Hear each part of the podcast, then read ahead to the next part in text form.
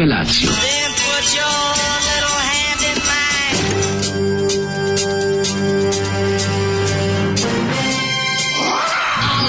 Grupa rozvojenih mladića trči po studenom vazduhu pre zore. Alarm. Ima da kane, nema problema. Svakog radnog jutra, od 7 do 10. Hajde, Geri, jako se velda. Je,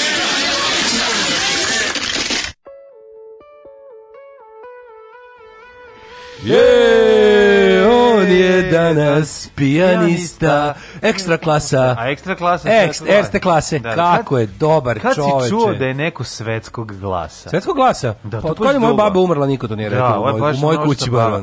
On je Baš svetskog postao- glasa, on je postao pijanista Kako dobro, pa grupa glasa. Mhm. Asteroidi.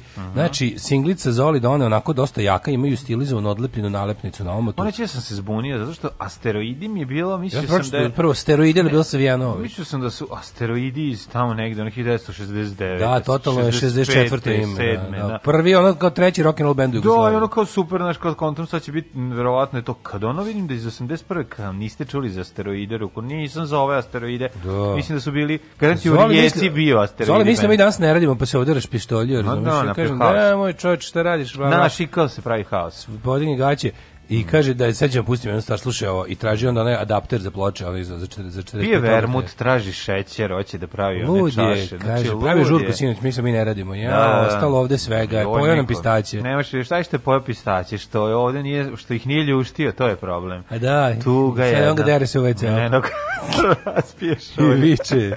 Ali ne, najbolji moment u toj pesmi mi je ovaj, od dva druga koji su ono kao zajedno odrastali, ali onda je jednom Keva kupila pijanino. I to je rešio problem. Zato on postao pijanista svetskog dobro, ono. Nije talenat i rad. To Nego što je imao, nego brat ima šalat. Asteroidžija nije imao ovaj imao. Asteroidžija ima samo gitaru i ostalo mu ova glupa netalentovana pesma. Kako je dobro, ovaj ja i danas uglavnom idem publici na živce. Da, da, da. Kakva dobra pesma, stvarno. Ne, Zašto više kakav- ne obraćaju ljudi pažnje na tekstove ovoliko? Zašto ljudi ne, ne, ne obrati pažnju na, na ovoliku ne dramu u drami koju on izmislio? Pa fali da ima da, baš onako, ima kao neki niko kao bane kog su izlupali. Čak nije ni to, ovo je više kao neka ono Flandersova ima taj ono, moment, ono kao, situacija. zajedno smo rasli, druže, ti i ja, a ti uspeo u životu. Kao, what went wrong, ono.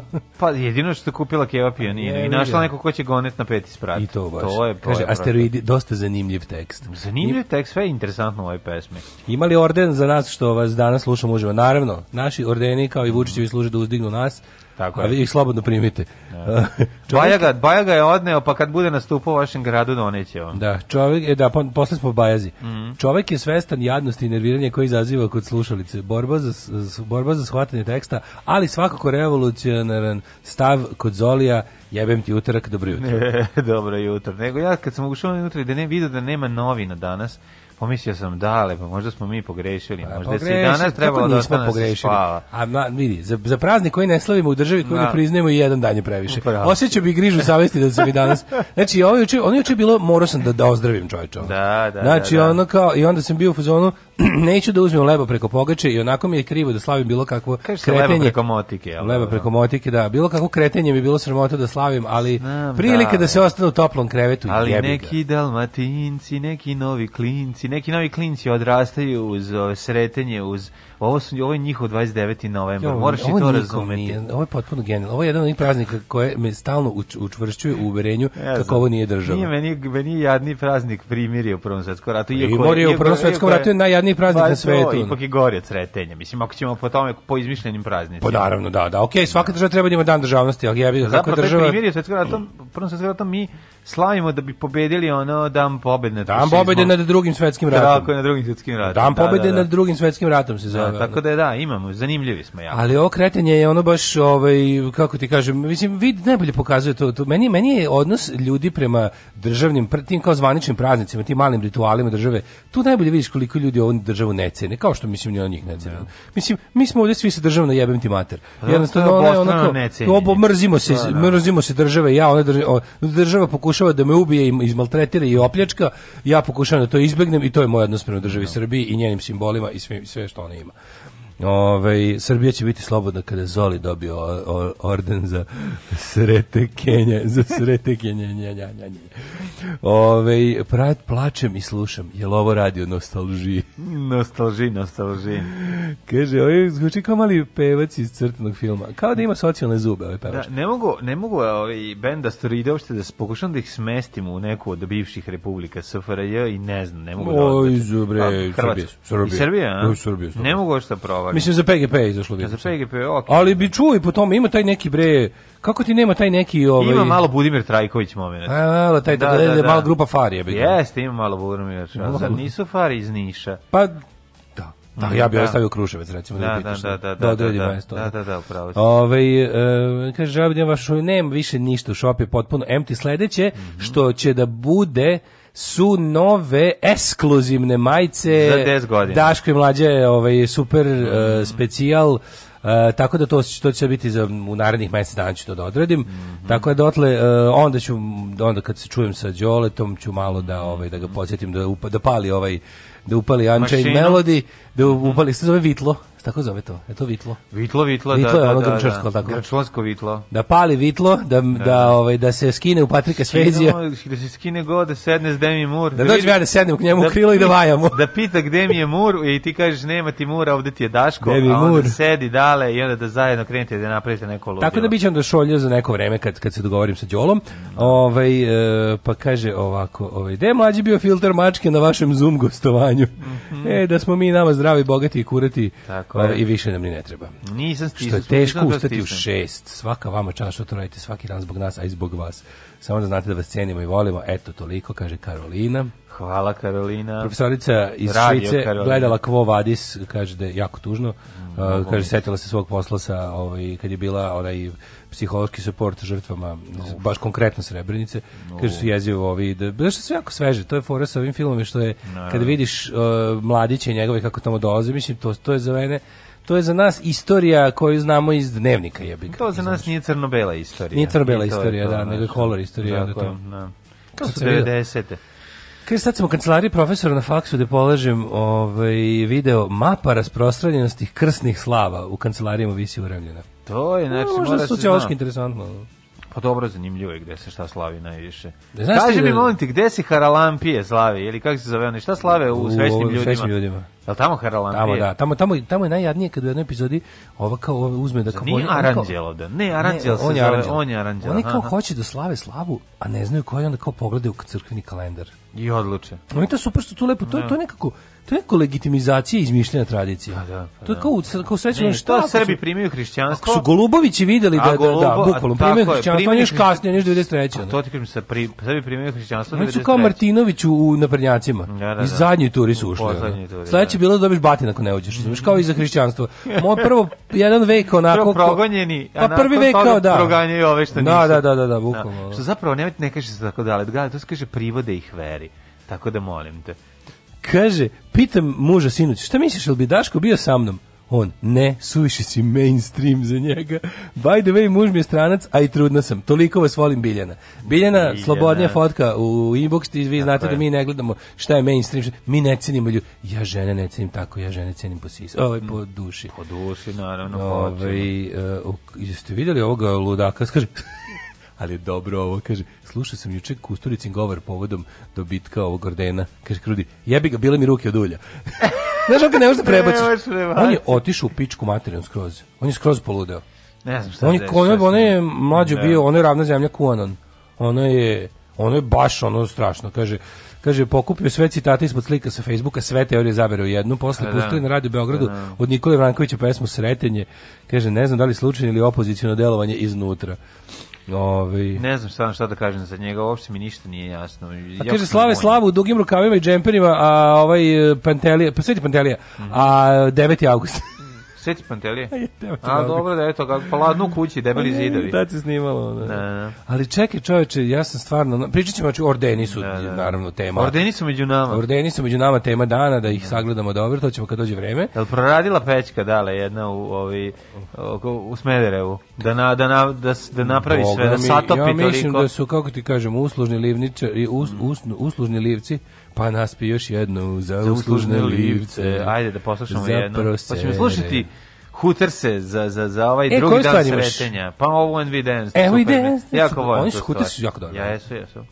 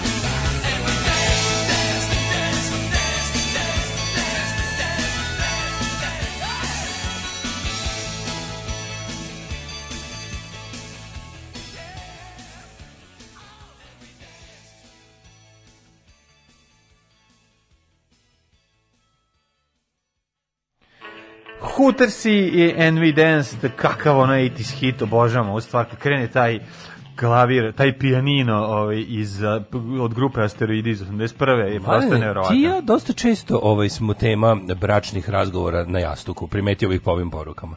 Mislim, Meni je to nekako, moram priznam, malo me i loži. Malo mi se sviđa da ljudi odlaze na počinak, parovi spavaju s nama na usnama. Može. Jel da? Pa kaže, evo kaže, moja žena kaže, ja nikad ne bi s Daškom jer je večito samo po njegovom. A odmah bi se razvela od mene zbog mlađe. Vidiš ti čoveče. Eto, više imala bolje to nego serije gledati? Samo mi to pitao. Kaže, pre nego što sada legnem lepo da spavam, da vam javim da sam našao album ceo Jovana Denića na internetu. Mi se dogovorimo. Daj podeli čovječ. Možemo, daj bre, pošalji odmah.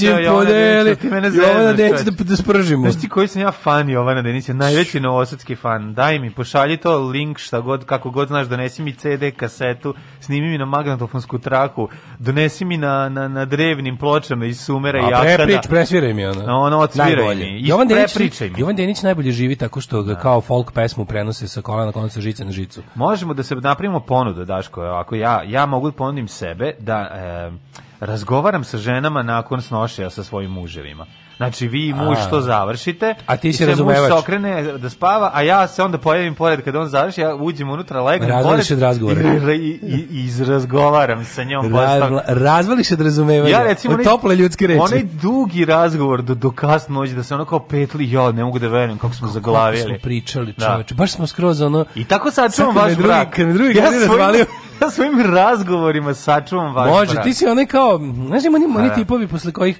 oni good luck chucks, oni kao likovi što e, po, po, poslednje pred brakom, oni što te gurnu, što gurnu cure u brak, ali ne u brak sa sobom, A, nego s nekim aha, drugim, oni što nekim ispraćaju u brakove. A, Kao da. kad njega odradiš, posle se udaješ, ono. Posle ide udaja. Da, da, ti si suprotno toga. Ti A znači, ja već kad se žena uda. Kad se žena uda i brak je u krizi, Da. jer muž neće više da razgovara do kasno Da, noć, da, da, da, da. jel ne da razume? da, da, on da. bi samo surovi, samo suvi seks bez Da, da, dodira, da, što bi da. rekla Marina Perazić. E, onda ja ulazim tu i kreće razgovor. Krećeš da, razu, krećeš da razumevaš, krećeš da shvataš, da da, osjećaš. Dok muškarac koji se naradio i koji je došao tu što kaže, Ko bi doštema malo i da legne da spava. Da spava, jer je umoran, Da, umoran je tebi da podgre kiflicu i da nema posle da razgovara. on to više ovako naša- kao onako, da odradi to. E, Jeste, a, jeste. a emotivno nezadovoljno. Ali nema tu, emo to ne zna, dobija taj deo dobija od S mene. kim će da progu malo o, o seriji koju je gledala, malo o, o šta je pročitala na Okreneš. ANRS forumu.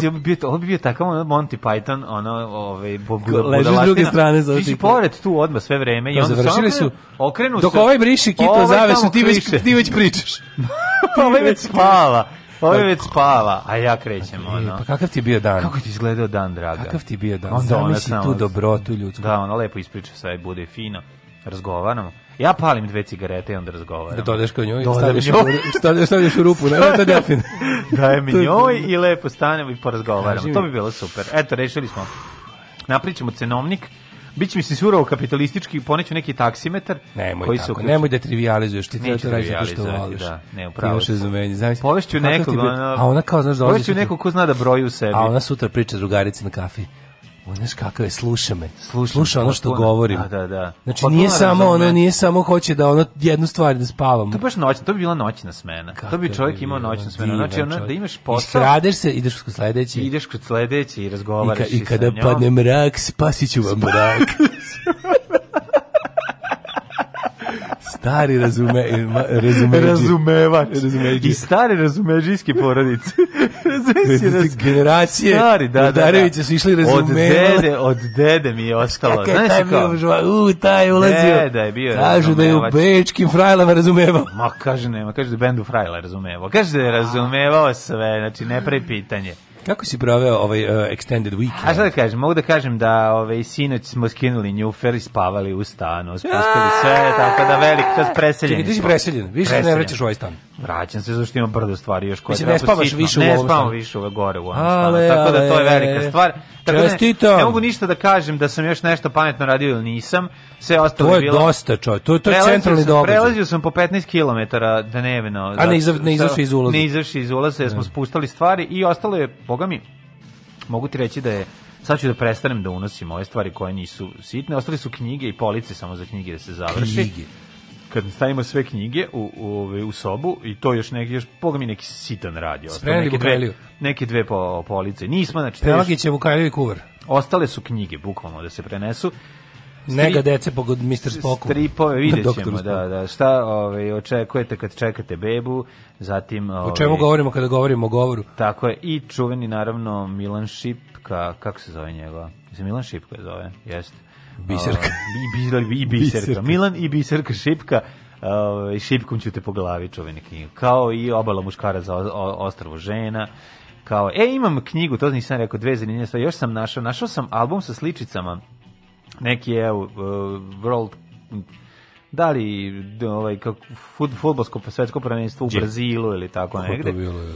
2000 ili A, to ne, 14, aha, Brazil, i da. našao sam popunjen Gospodar prstenova album. Onaj samo što je jedan izašao kod Kako nas. to bilo jebote? To pa Nini ili Merlin? To je mislim Merlin. Merlin. To, nije Ako Merlin nego Merlin. Gandalf. Nije Merlin nego Gandalf. Merlin mi je uvijek nervirao, samo pa Nini. Ne, ove su jako fancy, ne znam ni dalje Merlin ili koje, ali izuzetno su skupe slibe, debele i album je težak u materinu i našao sam Monik, slučaj Monike Levinski knjigu, Jao. to imam I i, još neke... Ovi, Jedna bonanza kofi ananas. I zapali za ni jednu već- šešelju. Podvučao kauč. Nema ni jednu šešelju knjigu, tako da eto, to je, ovi, to je zanimljivo. Šta Kada, radio? jesu, kako su dice podnelo novi stan? Pokazat ću ti snimku, snimili su Ja, je srećni? Presrećan je bio, pa dobio sobu svoju, znaš kako se sve... Kaže koliko traži za, za taj Lord of the Rings album? Ne znam, do, poklonit ću ti ga. E, ne to treba, je ne, tako ne treba Bravo, ništa. to je tačan odgovor. Ne treba ništa da, A, ove, a. samo mi reci da živiš i doneću ti. Ove, mlađe mi se u sredu se javljamo, da li može da dođeš da razgovara sa ženom radi našeg boljeg sutra? Može, da. Razgovor. Hoćemo mlađinu ho- call, uh, call center hotline, na kom će u lup ići, ne, ti prvo prekini. A Ne, Ne, ti a prvo, ti a ti prekini. prvo, A ti ti, prva, a ti prvo. a pre- ti. Da se kovrđa, evo mlađi čovječ, ja sam za, jedan, za ovaj vikend sam sve stigao, bio sam bolestan prvo kod đubre, onda sam ovaj, onda sam nešto, Zato što si na oko zime kad si išao na ono da popraviš, to je ono, to je da. tako smešno bilo. ali ne to traje, nije, to- mislim, sta, Da. hladno je, dosta sam ja bio u čovječe napolju.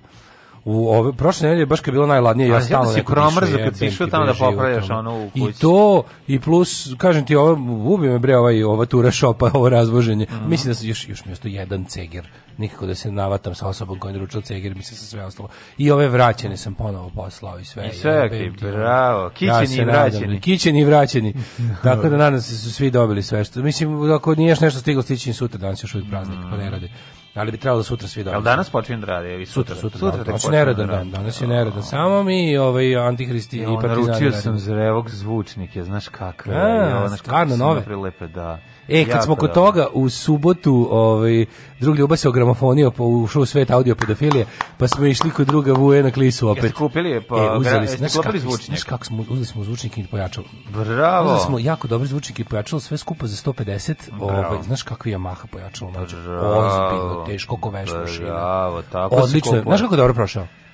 Kako je kupio Stvari, super muzičke sprave. opreme se kupuju po težini. Bukvalno. Znači, treba da se... Bukvalno. Znači, ovo je bila kao ovo je kamen za kupus puta dva. Da. Ako vam treba dobra oprema i kvalitetna, čuo sam da Mačak Miša rasprodaje veći deo svoje opreme. A to je ovo za izvođenje, mislim, za izvođenje, izvođenje, da, ali ko, hoćete da kupite dobre pojačala i dobre bubnjeve, eto, možete tamo pogledati. Japanske marke bud zašto? Na, nije bud zašto, skupo je, ali je, ali je duplo jeftinije od onog koliko košta da kupiš novo, tako da isplati se jako. Ali Vuja legenda ima, klise. ima butik pojačala i svašta. Vuja legenda klisi koji ima kuću, ovo je najbolji kad rekao, je rekao kako, kako ovako, kako volka kuća, znaš. Mhm. Kaže on, meni, je uvijek ono kao sad, mislim, ono, sad ja čekam kad, kad me neko pita, ćeš ješ samo opet. Zašto je ovako veliku kuću ime to? Kaže on, čale moj, kaže, samo krove košta svoje vremeno, pošto je kao, znaš, gastosi, kaže, samo krove košta 35.000 maraka. Stvarno, ta kuća je ko neka, znaš, izgleda, ko, ko neka, Kao predimenzionirana obična kuća. Ona je genijalna, sa onim velikim krovom većim dva broja.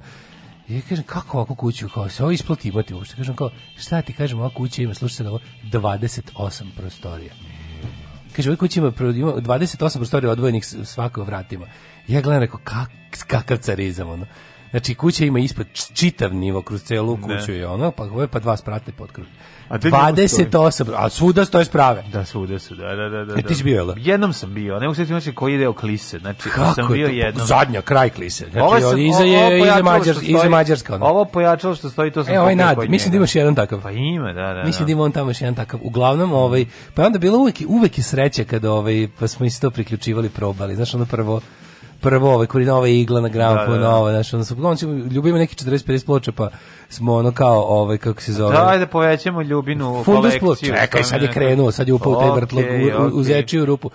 A juče Ja da sam poklonim, bio... imam, imam Našao sam, imam duplikat jedan, ovaj, mislim da su pretendersi, pa ću mu pokloniti. Imaš duplikat ovaj, kako A, se da. zove, Čkalja Pričevice. E, imam Be Seeing You, ovaj, od Dr. Feel Good isto, ovaj, ako voli band. Mislim da ja imam, ne, ja imam... Ne, imam, imam dve. nešto, ja imam, neki, ja, ja imam dve neke Dr. Phil šta imam duplikate. duplikate, pa treba daj drugaru koji nema. Pa da ću naravno. fora, Da, da, da, Moram bi da. volao bi, znaš bi volao da mu dam, a nemam da mu dam, Šta? Mm. pošto on isto podelio naše ploče, našeg benda. Da ću vam ja, imam ja jednu. E pa daju. E, pa da. Šta će? Ta imaš treću, to svi imaju. Poklonit. Nego, ovaj, kako se zove, juče bio na strelištu. O, mlađo, što sam, one man killing machine, čovječ. Bio si na strelištu? Da, bio sam, juče sam Štoljpije i AR-15. Assault rifle. A, ne volim tu. Ja, da, znaš kako je dobro. seljačka, Ja, joj, Smith Wesson, ova MP15. Ne volim tu. Znaš kako je dobro, mlađo. A, Da, A, R15 što sam uvijek izbegavao pušku. Kad god, a nikad nisam imao prilike da pucam iz nje.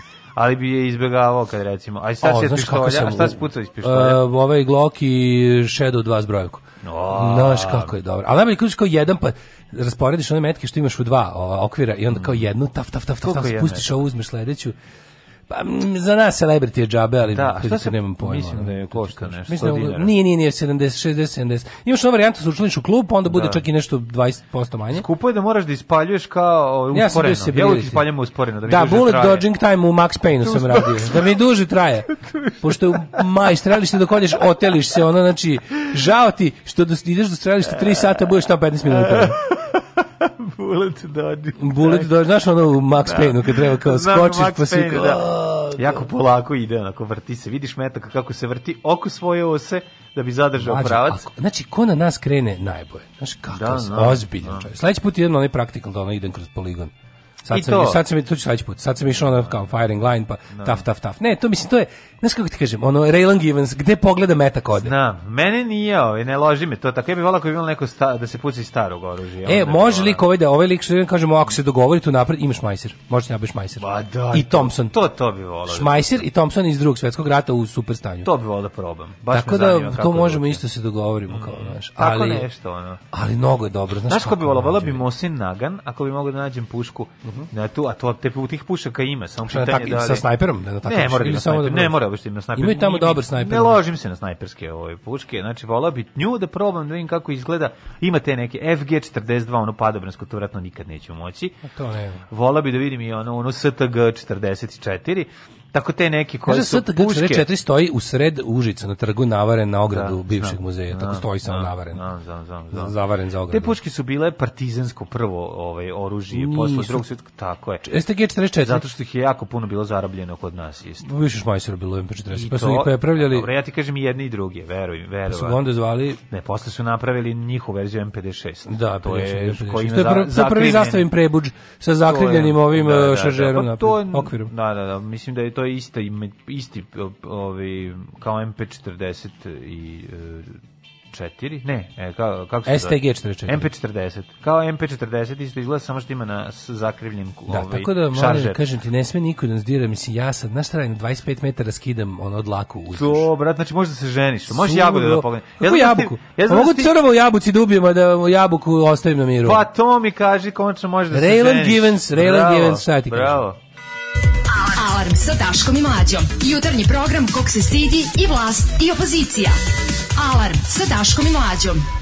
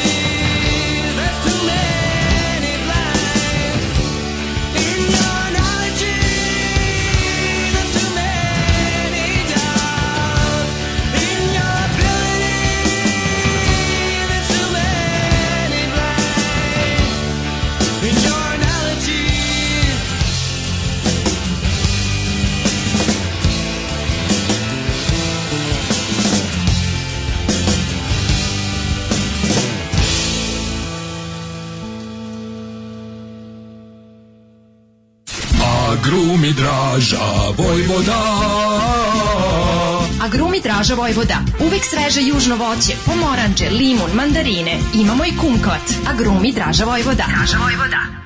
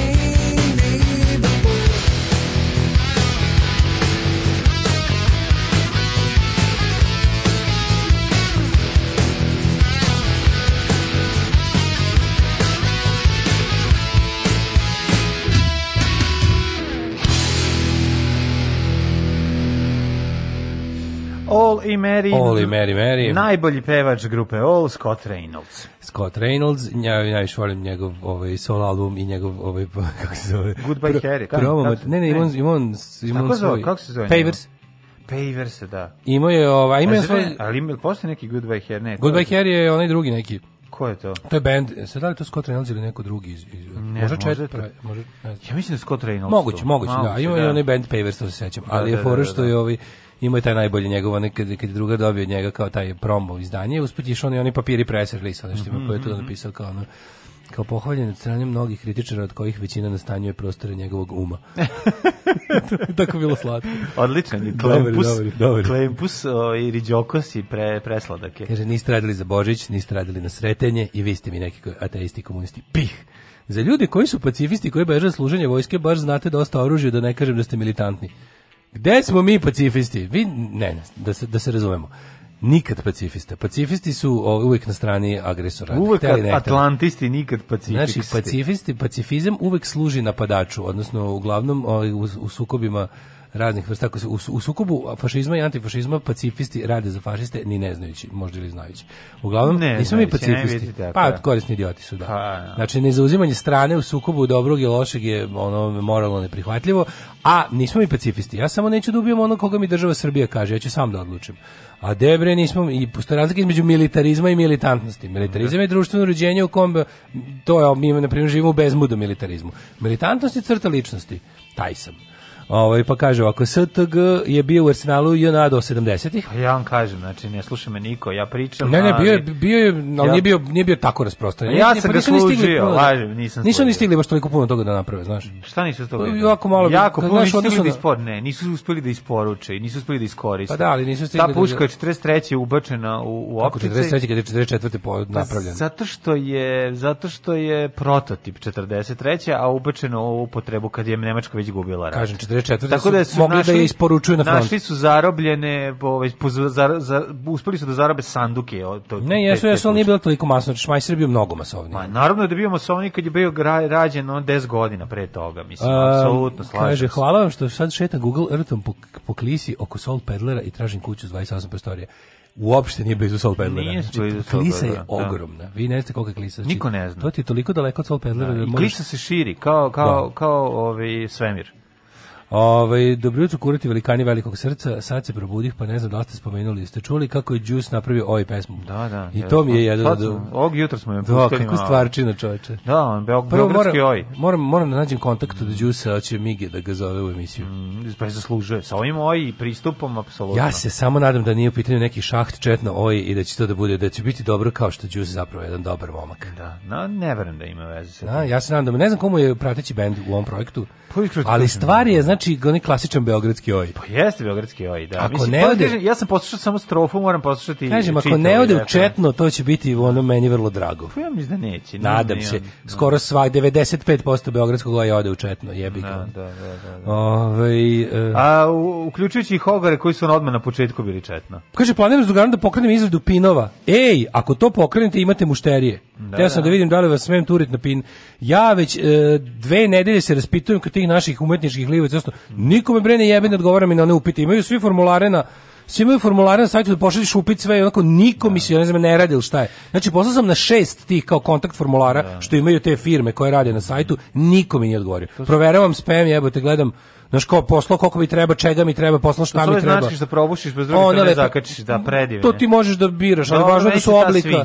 Da, da, možda biraš Da, da li da. hoćeš da bude klasična igla ili hoćeš da bude patent zatvarač nazad. Važno da ti je izlije. Postoje razne vrste, imaju Patent zatvarač Gošić, dobio sam od. Gošića, Da, ovaj ovaj Wolfenstein. Wolfenstein klan, predivna je, da. Wolfenstein logo, onaj da. Super je. To toga toga ustralo da nađe gotovu, odakle od nekog Uzbekistana je. poručio. Pa nije, dobio baš njihov za zaklan. Ovaj, Ma ne, to je znak od igrice Wolfenstein. Ali piše da je, ja mislim da dole Ma to je on spakovana, ali samo, papiriću. samo, to je on dodao na kartončić koji je aha. Ali sama izlivena značka je logo od Wolfenstein igrice. Logo, da.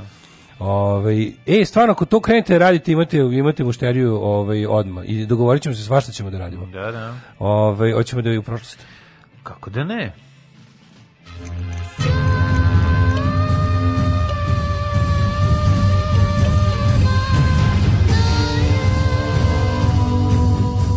Dogodilo se na današnji dan. Poštovani gledaoci, slušaoci i gledalkinje, uh, krećemo sa našom redovnom rubrikom uh, na današnji dan ili popularnijom Poštovani. na, današanj, na, dan- na današanj dan. Sinac sam se uspavljivao uz povijest četvrtkom. Šta si gledao? Slavio Hović? Nemiri u Poljskoj. Nemiri u Poljskoj. Poljska u mom srcu. Nemiri u Poljskoj, Koleše, Kolakovski i društvu. 47. dan godine, do kraja godine imamo još 318 dana, pa mi je palo na pamet da te pitam. Mhm. Gde ćeš za najluđu noć? Za najluđu noć, brate, gledaj ti kaže, slušaj, vidi, pazi, gledaj. Znači, mogu bi otići u kumodraž. Kumo, se na kumo da se- nadražim. Kad se dražiš Ja bi se kumom. kumodražio sa mnom. Kumodraž je kada se dražiš sa kumom. sa kumom, da, to je kumodraž. Znam si kumodraž. A kako je drugčije moglo nastati? Znači, ako to nije bilo mesto gde su kum i kuma ili ko već gde. Odlazili da se u, Tajno, kako bih rekao, u draže. intimnosti šume ili čega već sve je bilo tamo. Napravili kuću. Ovaj, Napravili odrade- jebarnik. Od jebarnik. Napravili Napravili sutra useljenje jebanjonju. Da, da, da. Znači, napravili, ako to nije dobilo po tome, je. mislim, ime ja ne znam po čemu je. Jeste. To je bilo The Lover's Destination. Pogledaj u tom delu Srbije i pa se praktikuje ne druženje sa kumovima da se ne bi posvađali. S kumovima se viđaš samo kad samo za slavu? Slava, neki običaj, Da. neke svetkovine, a ove ostalo nemojte se družiti s kumom, treba mi da ostanemo dobri. I nemojte nikakve poslovne poduhvate da pravite s kumovima, to je put u pakao koji je popločan lošim namerama. Da. Danas je dan Ali- državnosti u Litvi. O događaji kod mene počinju... 1270. Da, izvolite. Veliko vojvodstvo Litan, Litvanija je odnela presudnu pobjedu nad Livonjskim redom u bici kod Karusea. Majko boje. Viju, jesi ti, znači, kakvi smo, samo kijemo i ka i A, slinimo. vo, A na ovo- zaleđenoj površini Baltičkog mora. Gledam ovo pakovanje toalet papira što se ovdje donem, sve da ustanem da otvorim, da uzmem jedan, Pazi, da izduvam ovako, nos. ono. 1270. Veliko vojvodstvo Litvanija. Livonijskim redom, znači to su neki Tepali se na zaleđenom jezeru. Da, da, ali dobro, to ovo nije ono čuveno za... Nije s. Nije Čudsko jezero. Nije, tako? nije, nije kad su ovi teftonci, Da, ne znam, ruski fajtali sa- teftonci se potukli sa, a to je Nevski, tako? Sa Nevskim, da, da, da. Ni, ovi, Pa su propali kroz led. propali kroz led, ali ne znam šta se da dešava. Ovo je zaleđena Hiljadu- površina, površina Baltičkog mora, dosta, dosta zeznuto. 1804. Jesi gledao Pathfinder film u kome se ovaj fajta na kraju na, na ledu? Šta je Pathfinder? Sa, pa i u, u, m, fajt je između indijanaca i ovih um, kao severnjaka. Aha, znaš šta sam gledao za vikend Mm. ponovo? Taj film je super, ja sam gledao kad sam bio klinic i sad sam ga opet lepo. Uh, Sorcerer. Onaj Fritkinov, znaš sa kamionom, kamion, što kad voze nitroglicerin. Ovaj koji je to? Pa kada voze ono, u tamo u nekoj izmišljenoj južnoameričkoj zemlji, ona Roy Scheider i ekipa voze. K- gledao, Nadnica, da. za, neko kaže da remake, a kao remake, ali nije zapravo. Nadnica da, strah je da. potpuno druga priča. Da, ok, da, da. ima deo gde voze gde lagano voze ono kamion, zapravo dva kamiona. To je nadnica za strah, da, Pa, da, da. kao gledao to sam. je, kažu, mislim, Friedkin po pizdika mu kaže to remake Da. najče strage, jer je on drugi film skroz snimio, Da, je da, druga da, fora, da, da. druga priča, ali Da, da. kako dobro remasterizovanje, ja to nikad nisam vidio mlađe na taj način, znači neki Blu-ray remaster je uh, izgleda ja, ja ne znam kako to uopšte moguće kad se snimi filmski, kad se snimi ono Panavision i to sve, da ga bukvalno, kao da su, kao da sam gledao film, kao da sam gledao o- onu kameru koja snima snimanje. Da, da, da. Znači, da, da. toliko je, kao prilog iz dnevnika je film. Mislim, ja to ne volim realno, ali mi je ovdje bilo toliko interesantno. Prije, prije. Prije mi da vidim, znaš kako su boje jarke. Dugotrajno, A tamo se sve dešava u džungli. Ceo film je upravo upravo u kišnoj šumi. Da, da, da. I onda jebote kad pogledaš ono jako je jarko i sve je tako vivid, sve je pornice, razumeš, po kameri. Mm. Baš je ono A gondo. zato što je di, di, digitalno obrađeno. Kako to moguće? Ne znam kako kako A mu tako kako mu izgleda- dodaju tako kako mu i- dodaju taj vividness. Tako izgleda ovi, ovi, svaki, ovi filmovi Korena Markovića. Ali nisu su baš tako. Znači ja sam video remasterizovan specijalno ispitanje. Da. Ipak su mu zadržali filmičnost. Onako malo je zagasitije. Ja Ovo ja, da od toga- ja ne znam kako je moguće uopšte. To zavisi od kvali, od od sačuvanosti. Mastera, pa da. da, da, da, od sačuvanosti Ovi su imali verovatno jako Ako je dobar. ubiven, onda, I onda je su ga lepo samo prosvetlili ono. Pa da onda ga lepo srede. Ako je Znaš baš jako kako izgleda? Znači gledaš, urnisan. gledaš ovaj kako se zove kao da gledaš prilog na dnevniku o o kao sve je dokumentarno nekako. Uživo. Superica. Super je film, ovaj 1804. Četvrte, četvrte Sibnici Mhm. vođena ovaj bitka Karađorđa sa ovaj Turcima. Znači tu ustanici su to mesto gde su sukobili srpski ustanici sa ovaj Turcima. Osmanskim dahijama, da. 1808. Napoleon je počeo napad na Španiju, koju je posle mesec dana okupirao i na španski predstavlja ove Burazara Žozefa. Žozef, ovaj, 1826. osnovana je Matica Srpska.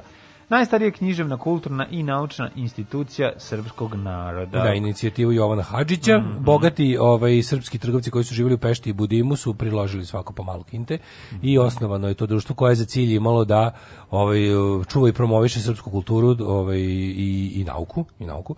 I to je bila jedna naj, to je bila apsolutno najprogresivnija institucija koju su Srbi imali u tom trenutku, dok je u onom što je danas Srbija, zapravo onom što je danas ono, ovaj, većina onog što danas Srbija je bila u pod otomanskom vlašću koja je ovaj u tom trenutku bila prilično onako dekadentna i i ovaj e, bahata i pogotovo je zabranjivala u tom trenutku takve stvari. Zapravo ovaj književnost jezik pismo i, i mogućnost da se razvija nauka i umetnost na srpskom jeziku su sačuvane zbog Matice Srpske u, u Pešti. Tako, 1862. Preseljena je u Novi Sad čim, je, čim su se stekli ovaj uslovi. 1862. osnovano je prvo Sokolsko društvo, pa 1862. još, pa ti vidi.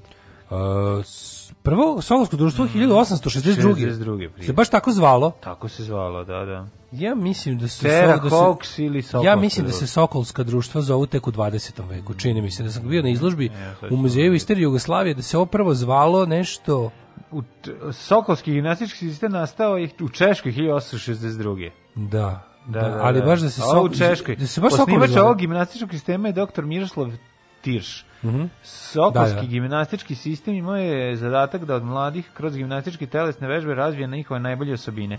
A, Mislim so- sokolstvo je neraskidivo od nacionalizma i ono mislim to je na, tako, ali okej, Pa u 19. verovatno veku je to imalo i neku da, crtu. bilo je to tada. Imalo je za duh jačanje, vremena. bilo je za jačanje A- kolektiviteta naci- nacionalnog na prvom A, mestu, ali, u 20. mislim da veku te su dobili osnovne vežbe se pretpostavljam da kojim smo mi vežbe oblikovanja, takozvani, pretpostavljam da se nisu puno promenile. Verovatno jesu neke, Pa, ali Sokolsko, Sokolsko društvo su bila, sp- to su bile kao neke, mislim, to su to dosta militaristički, da se razumemo. I ono kao, to jeste jeste. bilo, ovaj, to jeste bila Pa neka mislim, to je vrsta... bilo, pa to je nosilo kao duh jugoslovenstva u, u, u kraljevini u kraljevini da, da, Pa, da, da, ali je već na primjer e, to so, sokol, sokolstvo, ne kažem sokolarstvo, sokolstvo u kraljevini Jugoslavije imali dosta jak ovaj im, dosta jaki fašistički uzor iz Italije i ono kao, ali to je već kasnije. Znači u Pa dobro, 19. veku, u 19. veku je ovaj akcenat bio na to kao fizička spremnost, e, kao jačanje kolektivi, kol, kolektiviteta, ali uglavnom kroz nacionalnu stvar, što je jebi ga u drugoj polovini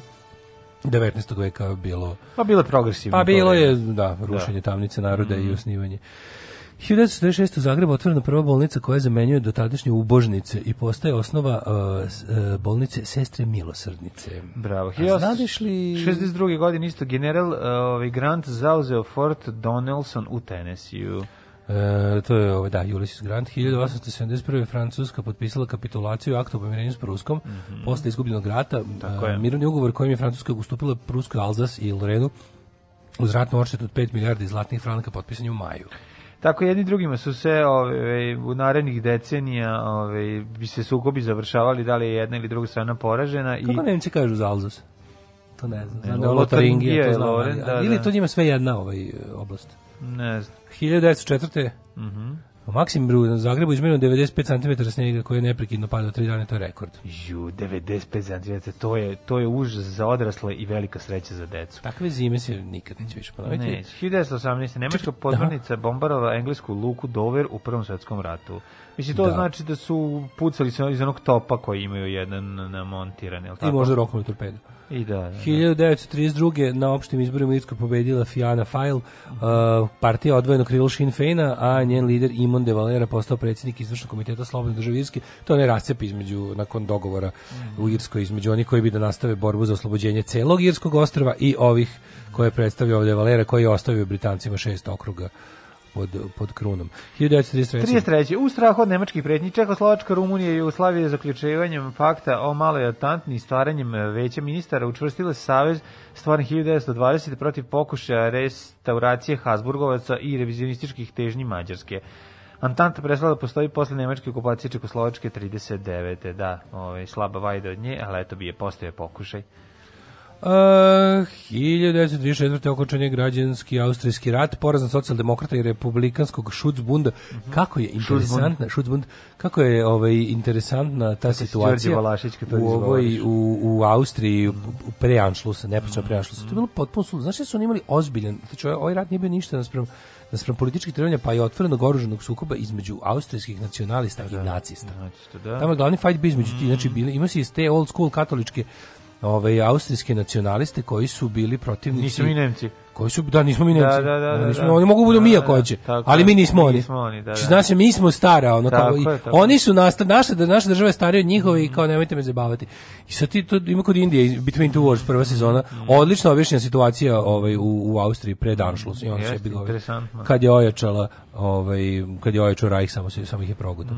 A, Da, Zapravo 30 poslali svoje ubice da ovaj, prvo izrokaju tamo njihove glavešine i onda u tom haosu preuzeli vlast. 36. Na parlamentarnim izborima u Španiji pobedio Narodni front, koalicija socijalista, komunista, republikanaca i drugih manjih partija. Vladu formirao Manuel Asanja, vraćanje demokratske ustave iz 31. Um, Španija je tom trenutku republika, pokušaj vojske u julu da obori republikansku vladu, prerastao građanski rat. Naravno, kad se to sve desilo, onda je voj, vojni, ovi desničari u vojsci su ovaj, bili protiv toga. I ovaj, španska legija iz Maroka koja je komandovao Franco je izvršila državni udar na, na republiku. 1940. mornari sa britanskog razarača Kozak su se ukrcali na nemački tanker i oslobodili 299 britanskih ratnih zarobljenika. Znaš je uzanimljivost? U, ali ovo je dobro. 40. godine. Komando su odradili. Pa vojnici komando, znači 299, teško su komandosi, možda i jesu. 40, ne verujem da ih su... A to je to ni čekaj bre, to je bilo u onome to je ovaj Altmark. Da, da, da. da Altmark, tad tako to nemački isto se gleda isto kod Indije. Da, to da, se da. gleda isto kod Indije. Ja sam A, kako to uspeli, Američki to hemičar Wallace Hume Carothers je patentirao najlon. Svaka mu čast za to. To znači, je, svaka mu čast. znači- Šta je uzeo? Uzeo je jedan komad Uzeo običnu pijacu i zemlje, izneo ne. stvari Uzeo iz- komad zemlje i na nju formirao stvari koje mu ne treba da prodaje. Da. I tako je formirao najlon. Tako je formirao prvi najlon. Kakav veliki frajer. A znaš da znači. najlon znači NY London? Da, da, da. Da, zato što su kao naučnici iz New Yorka i Londona, Londona radili na tome. NY London. Što to. se i mene znači i meni se što se i meni tiče i to znači New York, London jer robu iz New Yorka i Londona nabavljam Ti na kupiš po popularnim Tako u Bangladešu. Tako je. 43. je oslobođen Harkov. Mhm. Pa onda 45. američki vojni su zato počeli bombardovanje Tokija. 30 seconds over Tokyo, 59. Fidel Alejandro Castro Ruz eh, postao premijer Kube.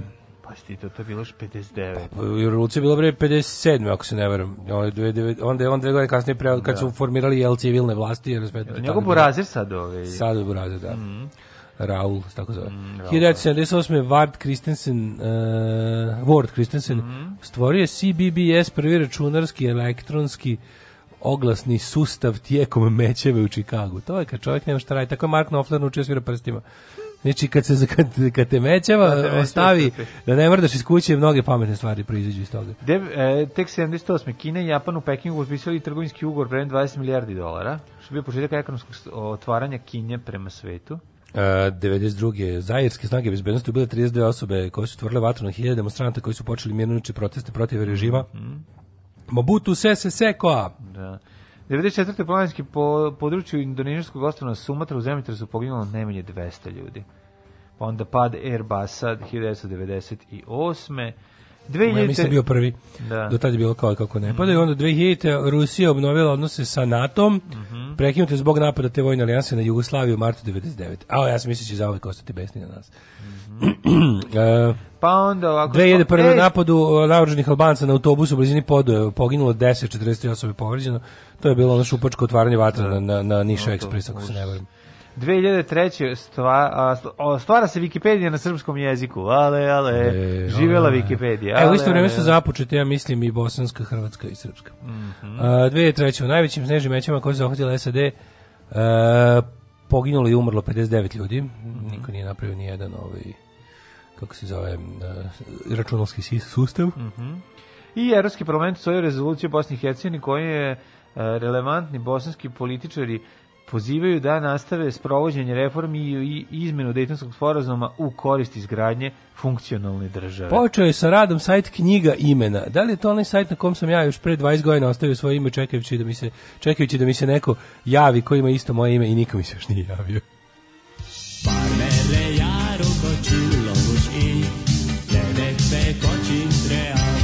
Daško i Mlađa, mađarske pičke.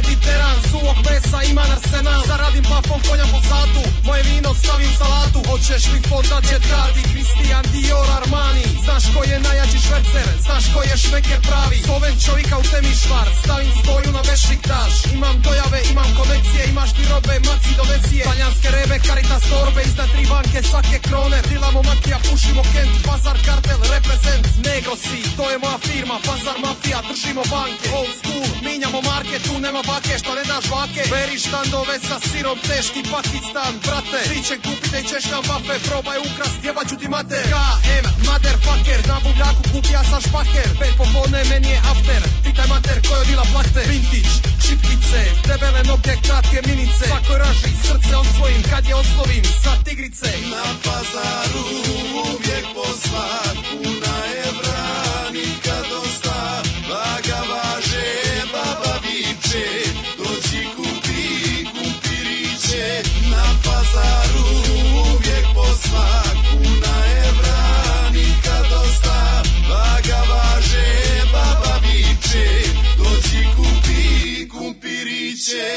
Kobene je roba najbolja. Kumpir iz Petrovog polja. Drniški prštar, mali cvike. Original pačke, nige Ribok, Elbiton, Madigan Tu sam cijeli dan, svaki dan. 24-7, svaki tjedan. Jepi džempera, 3 za 1 Jepe čarape za bebu. Uzmite besplatno, sve u redu. Ma nemojte gospođo kad sam reka. Probajte lozu, čača je peka kako vas šteka, bilo koji duhan nađe se šteka. Je li vam hladno, nađe se deka. Pipnite gospođo kako je meka.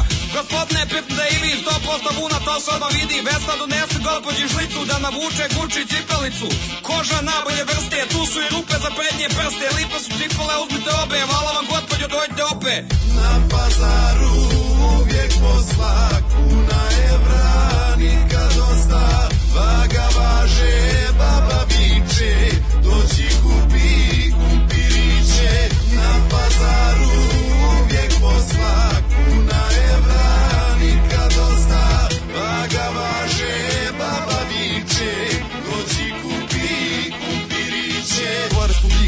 nona Vidi lepe trenerka ili heriona Hoćeš kup škola, nema problema Ako imaš evra, prodam ti žena Igraš to loto, mini kazino Oženiš mi čerka, će ti bude fino Lopca se krije, lopca se kreće Najbolje se meće u 93. A od 93. do 2005. Već me narodi unuče i dete A od 93. do 2005. Već me narodi unuče i dete Cigarete, cigarete, samo jedna kutija, nemoj da si krete. Cigarete, cigarete, cik cik cigarete, cigarete, cik cik cigarete, cigarete, cik cik cigarete, cigarete, cik cik cigarete, cigarete, cik cigarete, cigarete, cik cik cigarete, Na pazaru uvijek posla, kuna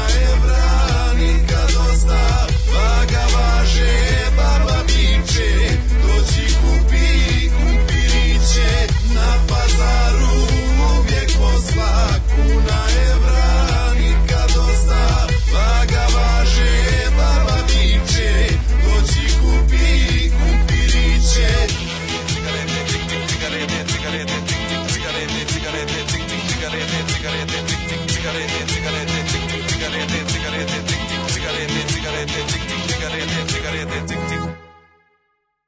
Kiša metaka i e, pjesma Pazar u 7.58. Yes. Ovaj, da li nasilje klise isto što je ono što pominjate telisti sel? Ne, ni, Nije, ne. nije, nije. Ona su... E, e, ovaj, glavnina iz, kako zove već, i glavna Glavinja, Glavinja. iz sela Klisa. Da, to su klise. To je nešto To drugo. su iz sela ne- Klisa, ja to je ne drugo da Klisa je predgrađe, severno predgrađe Novog Sada. Da. North Novi Sad. Inače, taj strep su imali problem sa tom pesmom, jer su ono, šta cela šta klisa, klisa? navijački kurac sisa, i onda su su imali, nije cela klisa, nego iz sela klisa. Da, da. Time su sebi znači smanjili mogućnost nastupanja samo u tom mestu. Dok recimo kad ti se navali cela klisa na glavu, Da, to je teško da ćeš problem. ostati živ. Da, niko da. nije lud da se zamera celoj klisi. Moraš da objašnjavaš klisi. ona Niko da nije, nije lud da se zamera Da je glavinja celoj klisi. iz sela klisa, a ne glavinja i Jer kad cela pređeš klisa. kanal e, jednom od dva, jednim od dva mosta, Da. prešao si na teritoriju Klise gde, razumete, Jeste, vladaju neka druga pravila. vladaju druga pravila. E, kaže, Tamo ovaj, i gravitacija još nije dokazana. e, kaže, malo je poznato da su komunisti zakopali telo Mihajlovića u Kumodražu, jer ko bi tražio dražu u Kumodražu? Darko, si zna da čuvena poljska bojlačka Vestina Šurovošć nastala kad, je raspal, kad se raspalo poljsko sokolsko društvo? Ove, kasnije na prozivku, dobro nam došli nazad, volimo vas. Ovu pesmu sam čuo jednom kod vas na streamu, a nikad u emisiji, znao da zavrebu u emisiji. Evo, ovo su bili, ovo su bili Kišometaka i Pazar. Ovaj, em, kaže, ne mora Cyber Insect, može i Husi i dječaci idu dani. Mhm. Ajmo, mladene, da vidimo kad idu dani, Rođendan. kome idu rođendani. 1222. 1222. Nichiren, japanski budistički monah i verski reformator. E, napravi prvu reformu, versku reformatortu. 1497. Mhm. Rođen Filip Švarcerd, poznati kao Filip Melanton, Mhm. što je grčki prevod prezimena Švarcerd, crna zemlja. Tako je. Filip Švarcerd, Filip Melanton, nemački reformator, teolog i filozof. Jeste, pa onda 1519. Gaspar de Coligny, francuski državnik i vojskovođa. 1731. Marcello Bacciarelli. Preskoči Bacchiarelli. preko Pjera Buge i preko Luja 15. Jesam, priznajem. Znači, Marcello Bacciarelli, italijanski barokni slikar. Jesam priznajem i kajem se, to I si treba nisam, da to je bilo potpuno nenamerno. 1755. rođen Friedrich Graf Bülow, purski, pruski general. A 1761. Jean-Charles uh, Pichegri, francuski, piš, to znači da piše uh, sivo, Pichegri, francuski vojskovođa. Jacques Pierre Inače, ovi nemački voj, vojskovođe, ovi pruski generali, ta njihova imena posle možeš naći u imenima nekih krstarica ili nekih oružja, Da, prototipima da, da, da, nekih. da, onda- svi su posle bili topovi i da, brodovi. Da, topovi i brodovi, jeste. Rođen je Friedrich pa onda Jacques Pierre Joseph Rode, violinist. Mhm. 1821. Heinrich Barth, nemački istraživač. A 1822. Francis Galton, engleski naučnik. Ja, Haeckel Ernest. Da. 1834. Haeckel Ernst Haeckel. Ernest Haeckel. Ne, Haeckel je Ernstova teorija, tako je moj ovaj, nastavnik biologije Milan Spasović, sada direktor škole. Mhm. Kosta Drivković, e, nemački zoolog i filozof. A sad je čujena Hadži Jovanova teorija, a takođe i Haeckel Ernstova teorija. I tako Mhm. je to, jedno- znači zauvek sam zapamtio To dve je neke... Ovaj, Razvitak teorije evolucije, je li tako? pa i mislim da je neka klasifikacija živog sveta i slično. Mhm. Ovaj, e, Oktav Mirbo, Mirbo, francuski novinar, književnik, kritičar i Da. dramski pisac. 1873. Rade Domanović. Rade Car. Domanović jeste, ovaj, moj kum ima tetovažu Rade Domanović. To je mala zanimljivost na nozi i nikad je nije završio, krenuo je da je radi, ostale samo rad ovaj, inicijali ovaj, mog. Jel je bolelo Rade Domanović celo da uradi. Kako volim ovu njegovu Ne, zapravo fotku? znaš šta je trebalo da piše. Ratos de Porao. Tako je. A kako Ratos de Porao? Ko je to ikad želeo da ima na Pa, svom ko je da- voleo bend? Mislim da niko iz benda Ratos de Porao nema to na sebi. Ali ima- kako volim ovu jednu jedinu, ovu jednu jedinu fotku Rade Domanovića sa tim šeširom. Mhm. Kako on bio dobar lik je. 1877. rođen Isidora Sekulić, srpska književnica, koja se šal zamutao u... Da, Isidore Sekolić jeste. Kad je To liftom silazila iz gimnazije u kojoj je išla. Pobrkaš Isidoru Duncan Da, Isidoru Isidor Sekulić. Duncan, da, da, Isidor da. Sekulić pisma iz Italije, naravno, čuvena ovaj, Matija Nenadović. Prote Matija Nenadović. 1892. rođen je Dragutin Novak. Mhm. E, prvi hrvatski pilot. 1910. poleteo avionom koji je konstruisao Slavlju Penkala. Majko A. Mila Novak ima stvarno A muda do Penkala, zemlje. nije, Penkala ima Penkala u gaćama, pa nije smeo da Pa uđe Penkala bio fazonu, ja ću napraviti ti poleti. Znači, ja znam da ga sklopim. Moje je da vijem napravim, a, stvarno, neko drugi da se spuca njime. 910. Matori, to je svega Da, da. 5-6 godina nakon braće Wright. Da, da, to je stvarno svaka Wrong. čast. Da. To je svaka čast. Ne, sva, to je... Zato što ne, To je- su baš pionirije. Ovaj. Zato što je ovaj Da, mislim Dragutin Novak je stvarno ima muda do zemlje. U trenutku u, u trenutku A ima njegovog mu da najvećeg zemlja, ali avion letao tako da češao mudima Pa po, to po, kro- koliko po god da je drveća. svaka mu čast, to su, on je morao golicalo mu trava jaja. E, Smejao se dok je letao. Zašto si smejao? Pa, Pa zato sam mi nisko. trava golica jaja. Ja, evo i trava mi golica jaja. 1893.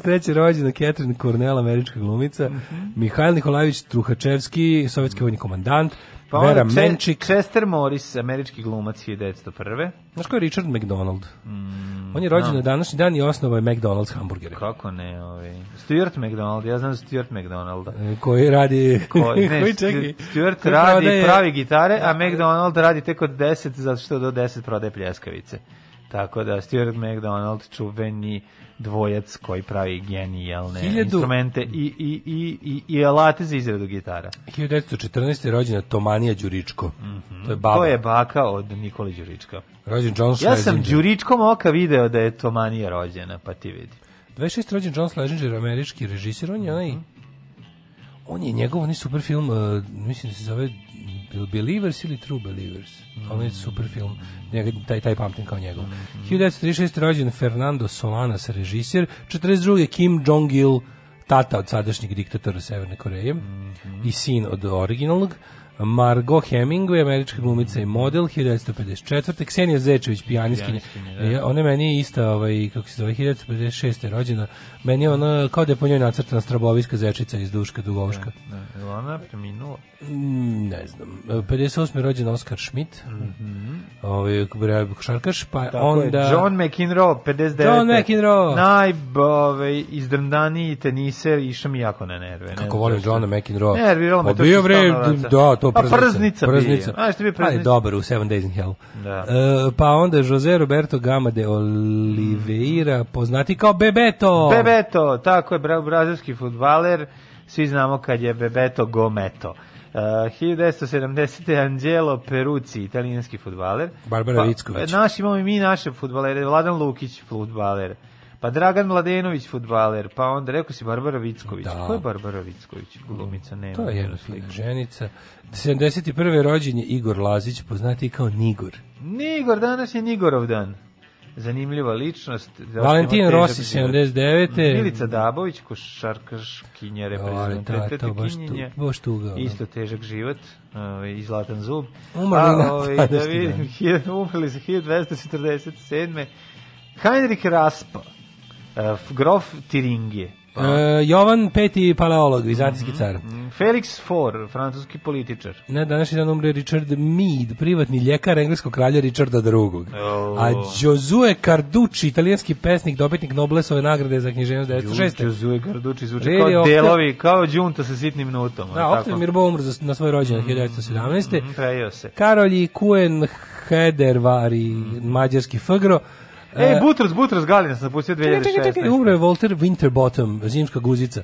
Prvi menadžer engleske futbolske Pa reprezentacije. da se smrzla mu se guzi. 2005. Ranko Radović, srpski Ranko arhitekt i profesor arhitekture. Mi smo svi volili njegovu emisiju arhitekturi koja Kad na TV Beograd. crta markerom po tabli, znači, obožavao a ja bio u fazonu, kako je dobro, koliko ima papira, koliko ima markera. Ja sam bio Znaš, zaljubljen za u mene, za mene svaki kamera. list A4 papira koji bi dobio, a najviše sam volao glatke memorandume televizije Novi Sad.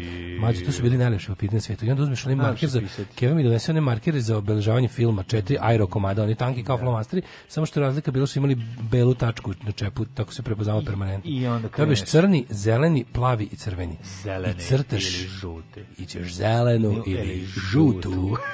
i praviš sebi singli party na papiru, a ti, kako su dobri ti papiri, glatki bili na kraju kad, U, kad, dis- ti nacrtaš celu diskoteku. kada povučeš malo dužu liniju, čuje se znaš kako je. Taj zvuk je bio kad je ovaj kako se zvala ta emisija gde je Ranko Radović bio? Pa mislim se zvalo što arhitektura. Baš tako. Nije, neko, nije, neko nije, bolje nije, ime, neko da je nešto- poetičnije ime. a? Tad lupi. Ko se seti emisije ja, nek javi. Ajde, lepa, lepa emisija bila.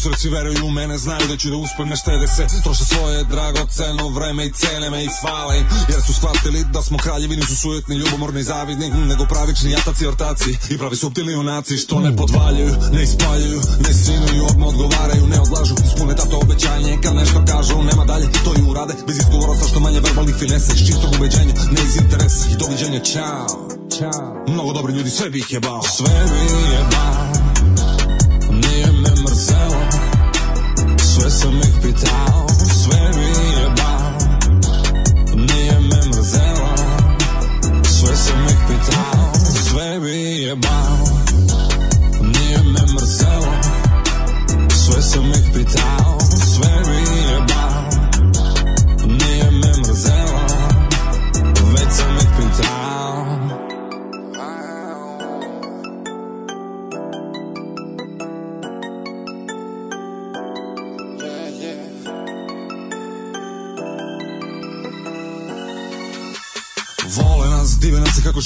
isto vreme mi se njima divimo Tako da teško da može bolje obostrano je. Ringi špile euforije, ko na paldale Ko na svetili u banju Koka, umbelu palanku Razvučeš banicu kao Mondijalu je lašnicu Nisam upoznao nijednog nevernog tomu Pozitivci do jednog si se raduju životu Altruisti do srži S njima je milina da se družiš Čestiti nisu cinici, skeptici Nego ambiciozni, sposobni ljudi Što pucaju visoko, čuveni na daleko Čine da je toliko dobro vraćaju ljude od preko, preko, preko.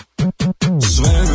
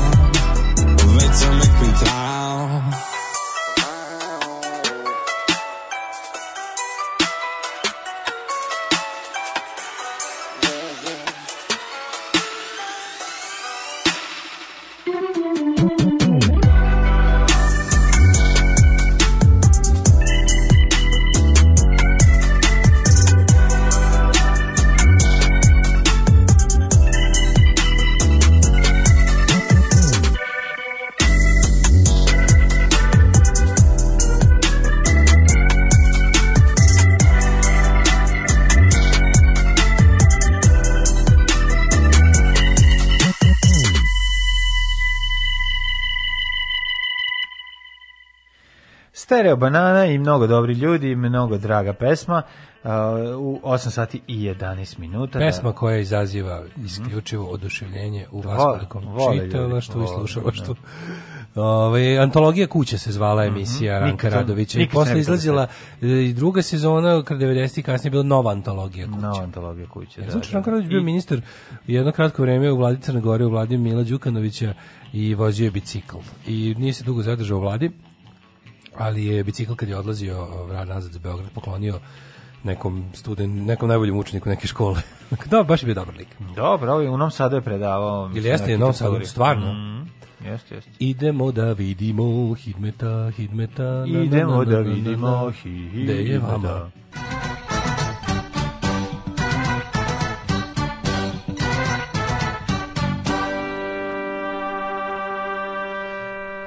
I pored svih uh, napora uh, vlade Republike Srbije da se da izađemo na zdravu ze- zelenu granu koja nije trula, nemoguće jer je Srbija u minusu. Teško mi da priznam, u drugom danu sretenja još teže. Ma ne, ali bre, bre, po, reći, juče, je postignuto nacionalno jedinstvo. Sabornost juče teška. Jel jeste? Ma, znaš kakva Saborna sabornost. crkvnost, Znaš crkvnost. kakva sabornost juče. Ovaj dodeli svi prihvate, ko se buni, taj je, taj ne valja i super. Minus 4 u Subotici, minus 4 u Somboru, minus 3 u Novom Sadu, Zrenjanin, na Tvorkače u minusu. Kikinda nije trojka, čepao si minus 3 je ba, Bananski Karlovac, minus 5 Loznica, minus 4, toliko je i u Mitrovici. Znači, minus se nastavlja, izgleda da plusa ni nema, minus 6 u Valjevu, minus 3 u Beogradu, Kvagojevac minus 7, e, Smederska palanka minus 5, Veliko Orašje minus 4, Veliko gradište minus 6, a Crni vrh pogađa daleko koliko je. Minus 9. Bravo, da, Matri, nešto mi se javilo. Javlja ti se. Negotin Nusmi 1, Zlatibor minus uh, 9, Sjenica minus 18, tako se to radi. To je bre. Sjenici večita Staligrad, Zamrzivač, zamrzivač. Požega minus 8, Kraljevo minus 6, Koponik minus 14, Kuršumlija minus 11, Kruševac minus 6, Ćuprije minus 6, Niš minus 9, Leskovac sa minus 13, Zaječar minus 6, Dimitrov minus 12, Vranje minus 13. Tako da, što bi se reklo, svugde je neka, ono, delimično, umereno sunčano i umereno oblačno, što bi se reklo. E, mislim da danas polako izlazimo iz minusa i da će sutra biti neki, ono, do srede bi trebalo da bude, to je sutra, bi trebalo da bude u plusu, ili tako? I jutarnji Pa, tek od četvrtka. U četvrtak kreće plus i boga mi, pazi ti sad ovo, znači ovo stvarno sve je nenormalno. Kreću temperature, pazi, minus 5 danas, sutra minus 3, onda u četvrtak 11, 13, 11, 14. 10, 9, da, Da, da. ono, majko moja, bit će ovaj, onako interesantno. U svakom slučaju, uh, temperature su ovaj, m, uobičajene za od ovo godine. Alarm sa Daškom i Mlađom. Sve vas koji ne slušate na podcastu, mrzimo. Alarm sa Daškom i Mlađom.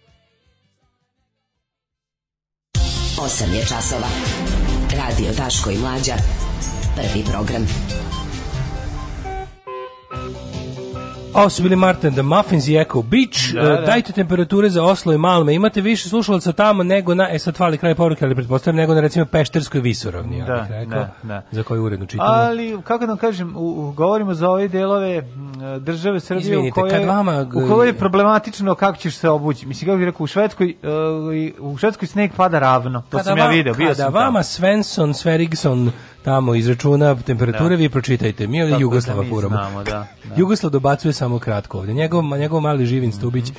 se popne samo do, do ovdje. Ovaj, e, kaže, mislim da bi RTS ovo pustio zbog dela mnogo dobri ljudi vraćaju ljude od preko. Mhm. Ovaj, idemo mi, prijatelju, u drugi sat, drugi sat, to je naš sat, koji nikad nije sat. Mhm. Evo, otvorit ćemo imaginarne novine. To ćemo imaginarne novine, da. Mo- Možemo se bavimo raznim stvarima. Šta smo imali? Imali smo Pa, imali smo- kronološki, imali pa smo, da. svi da imali smo ovaj e, Đuku koji kao piše pismo Vučiću kao... Ja to nisam tada, ja to nisam pročitao. Ja sam sam- mislio da je to fake. Ja sam mislio da je to fake. Kako Kenjanje? Jel to zaista ono, ono? Jel Pa kao ti si... zaista on je... Da. Zaista on napisao naručeno Vučićevo pismo sa Jel Vučićem. disonantni ton ili izmišljen? Ma kakav A, dison- Pa naravno, da, da, da. Ne za čega on služi, ja bih ga ono. Da, da, da, da. Đuka ti je malter između baze i nadgradnja, između radikalštine i ono. Mhm. Znaš, ono kao tako da imali smo to, a onda ono što je sve jel je, juče u, u povodom dana državnosti su dodeljivani ordeni za zaslužne građane, pa je tu bilo svašta da vidimo gde smo i kud smo i šta smo. Jesi gledao sve od početka do kraja? Nisi vidio deo kad sam ja dobio, ne? E, pa nisam je što- do kraja, Nisam da. video kad si ti dobio jer sam i sam primio orden. ne, nego vidjet ćemo sada, bilo mi je jako interesantno vidjeti tako reakcije javnosti i ovaj još jednom sam ojačao svoje ubeđenje da u Srbiji postoji jedna kompletna politička klasa koja je ovaj naš kompletni klasni neprijatelj što bi rekao Ljuba Živkov. Šta je to? Šta je u stvari bodybuilding? Alarm. Alarm. Svakog radnog jutra od 7 do 10 sa mlađom i Daškom. Hast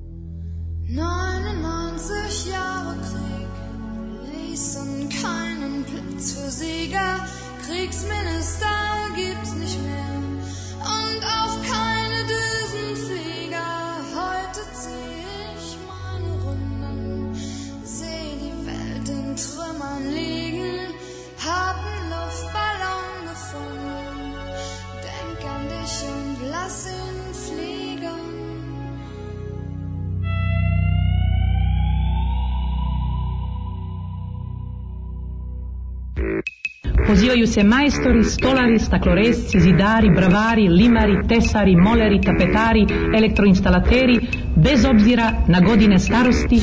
Alarm svakog radnog jutra od 7 do 10.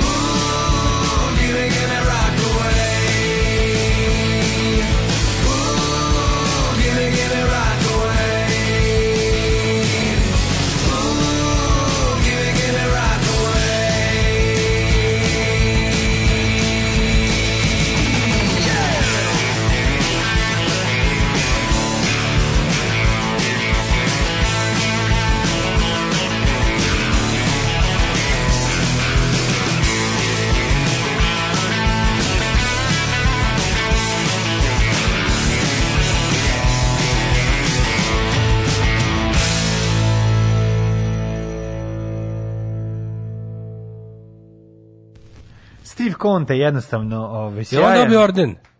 Steve Conte nije dobio orden. Kako nije dobio? A, je? zato što je ga- Znaš da to dodeljuje država Srbija, a ne Vučić, znaš? Znam, znam da dodeljuje. On je, onda kad nam se dobitnik sviđa, onda to dodeljuje država Srbija, kad nam se ne sviđa, onda to Vučić dodeljuje svom uskom krugu Nije poslušnika tako, i do nego kad, se, kada mi dobijamo, onda to dodeljuje država Srbija. A A neko kada ko nam se neko- sviđa, onda dobija, znaš, onda je to, onda je to, zaslu, on je to zaslužio, la, u ovom slučaju konkretnom. Znači, ja sam juče nervni je? slom, juče sam nervni slom od ono, od ono mentalne gimnastike, juče je stvarno bilo genijalno, ono.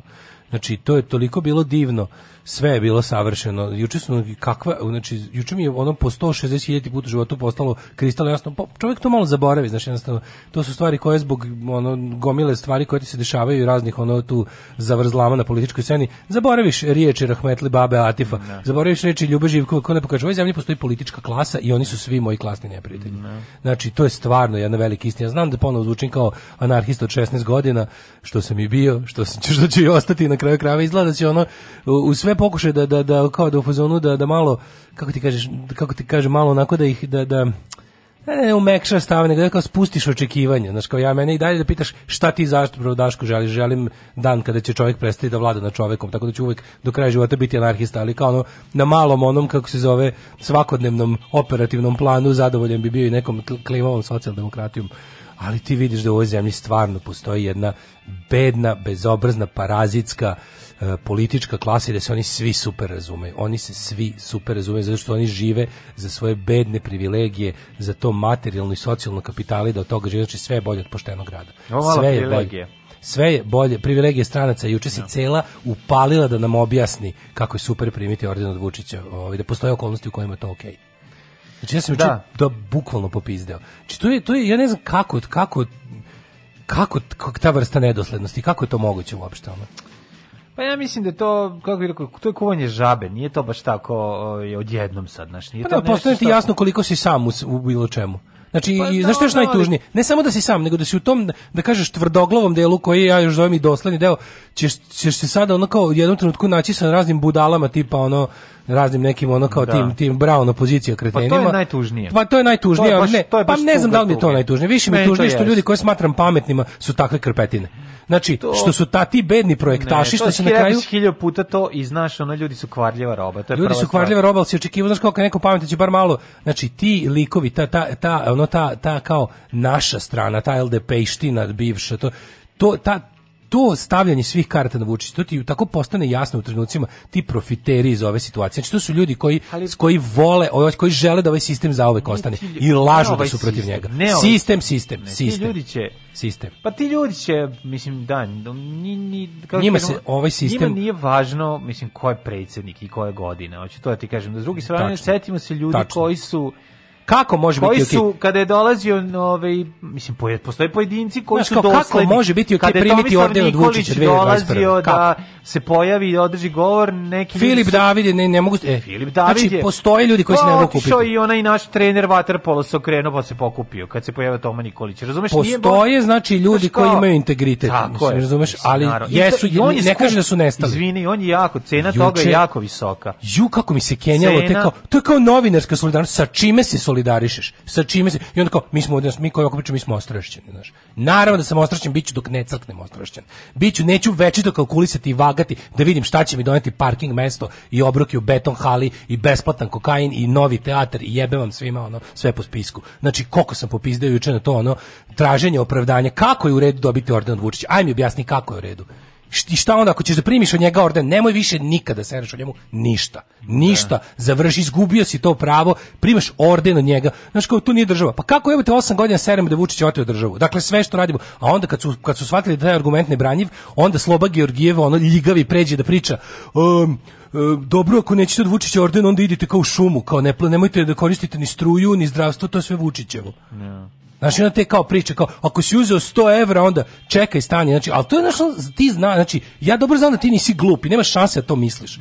Nema šanse da to mi, nego se praviš bolid i pri, glupljima od sebe, koje hoćeš da pridobiješ, prodaješ tu priču. Koliko sam ja, ja ću, ću, stvarno sam čuo ono, nervni slom imao. Znači, to je više nema- jednostavno nebranjivo. Više nemaš Nikad drugara, više u Segedin. Nikad nemaš više drugara za odlazak u Segedin. A sram bre da ih bude sve. Sram da ih bude sve.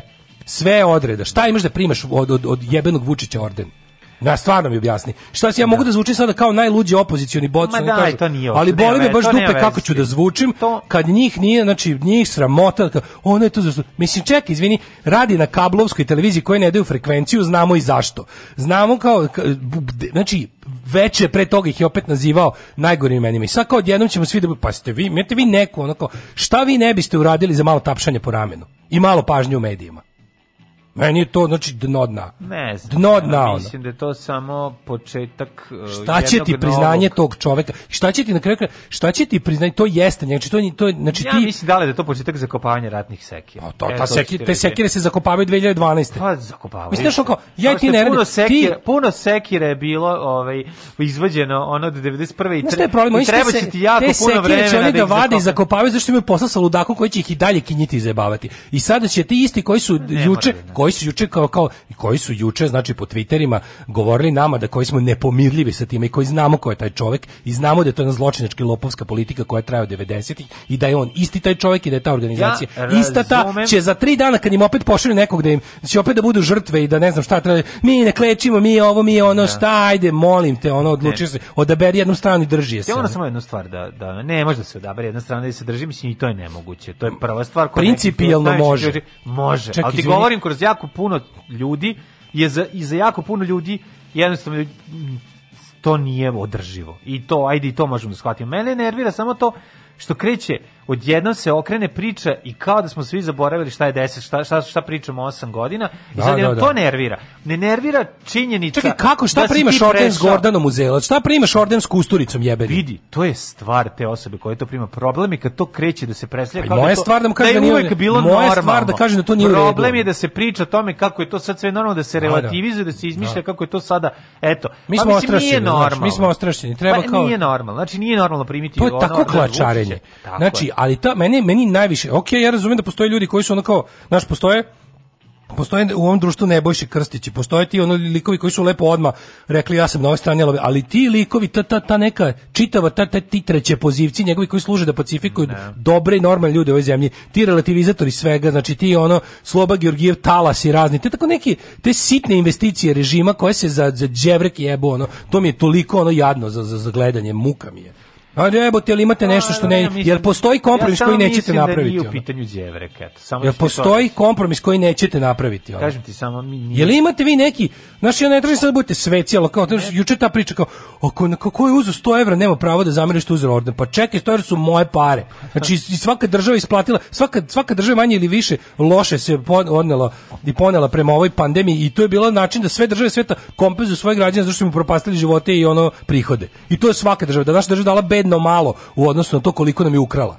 I kao i sve te stvari, znači, oni nama sad normalizuju priču, postoje stvarno postoje nešto što su zaista prerogativi predsjednika. Znači, i u normalnoj državi, da se razumemo, i u neotetoj državi su ti e, stvari kao što su ukazi časti, ordenje i ostale strane, to su privilegije predsjednika i to su njegovi prerogativi. Znači, to je bukvalno njegov hir i možda čak i zakonski, ali tvoje je da se s time ne složiš. I tvoje je isto kao i da izjednačiš to sa time što kao nemojte onda da uzimate kao penziju od Vučića ako nećete orden. To je bezobrazluk. Pa pička ti bre materina, to je za šamarčinu. To je da mu razvuče šamartom ko je to rekao, zato što kad on kao uh, ako, ako nećeš, ako si uzeo penziju, uzmi orden. Jel tako funkcioniše ova država? Znači, mu pušimo svi zajedno zato što nam je on dao penzije. Jel to ćeš da nam kažeš da tako treba? I šta je to? Tako ćeš da suzbijaš to da ti kritike. ljudi- Ta- Da, vas da. koji ne možete da živite bez ono, ako, ne do, ako, ako sedam dana ne odete u listamo štampu sa, osuši vam se kičma. Znači, morate non stop da budete, ceo život ste, znači, ono, to je ono, sitne privilegije, prodajete se za sitne privilegije, za panele po hajatima i za ono, listamo štampu sa, pa jebite se bre svi zajedno. ono. No, ne znam koliko je to, ovaj, mislim da je samo najveći problem u tome što što kreće em, na neki način da se ne opravdava, nego da se predstavlja to kao sasvim normalna stvar i onda se naravno vade iz konteksta, lupaju se gluposti, pričaju se priče tipa ovaj nemojte uzmite kao zašto ste uzeli 100 evra pa mislim znaš kao Zašto ste uzeli šta je 100 no- evra? znaš kao čekajte Država znači, nema ništa što ja nisam dao. orden koji ti daje Vučić nije isto kao i penzija koju si ti zaradio Znaš šta Znaš kao nemoj predstavljati ne postoji to, to nije, to nije govnarski u, Pa u je tom u debatnom i u tom kao retorici ne postoji govnarski alat od onako izjednačavanja svega. Ja. To su to su priče ono kao a ona kad si ono radovo se što je pobedila Zvezda u redu, da. Šta si 96. se radilo, a da. i Vučić navija za Zvezdu, što na tezanje analogije, ako si onda onda i ovo. Znači, reci lepo, znači, priznajte lepo, znači priznajte da da jednostavno ste ovisnici o privilegijama, da ne možete da zamislite svoj život bez da budete nešto kao pitani, važni, a ovaj imate svi ste odani. Znači, i nemojte da se lažete, pošto ovaj čovek je po volji apsolutno svi. Na, on, na ovom svetu trenutno postoji možda milion ljudi kojima Vučić ne odgovara. To su ono, i ti ljudi svi žive u Srbiji uglavnom, i to je naš, nas ono kao milion ljudi, od tih, on- od tih dosta i ne glasa, neki su maloletni, da se razumemo, taj Vučić odgovara celom zapadu, Rusiji odgovara, Kini odgovara, većini građana ove zemlje odgovara u redu znači oko meni je to jasno ja nisam lud onako nisam nisam nemam ono kao nikakve zabludi to sve. Znači postoji milion ljudi E sad mi, ja volim da smatram da tih milion ljudi tačno zna zašto je to tako i volim da mislim da smo u pravu zbog toga. Ali ono kao, naš, kad imaš jednostavno svoju savjest i svoje mišljenje, ne možeš zato što si jebeni projektaš i na sisi od Brisela i raznih ono kao organizacija koje trenutno pire Vučiću u dupe, ne možeš tako da formiraš dnevno mišljenje, ali mislim, hoću kažem, očigledno da možeš. Ako gledajući ovu emisiju pašljivo pratite pokrete borilaca, otkrićete u čemu je tajna svih ovih veština i u čemu je tajna duha borilaca. Alarm svakog radnog jutra od 7 do 10. Do 10.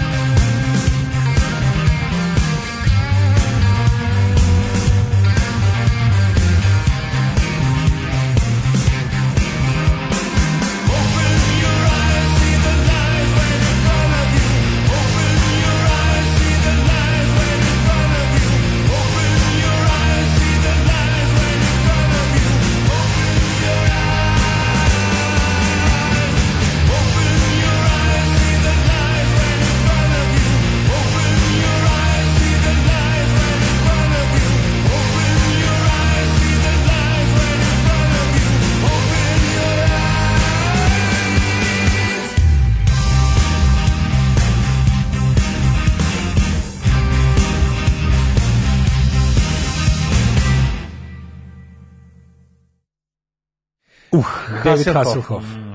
Da. Sve dok ljudi imaju šta da izgube podložni su uceni ili prodaju. Ja ne znam da li ste pa imaju da izgube. Mislim, zavisi kako postaviš stvari.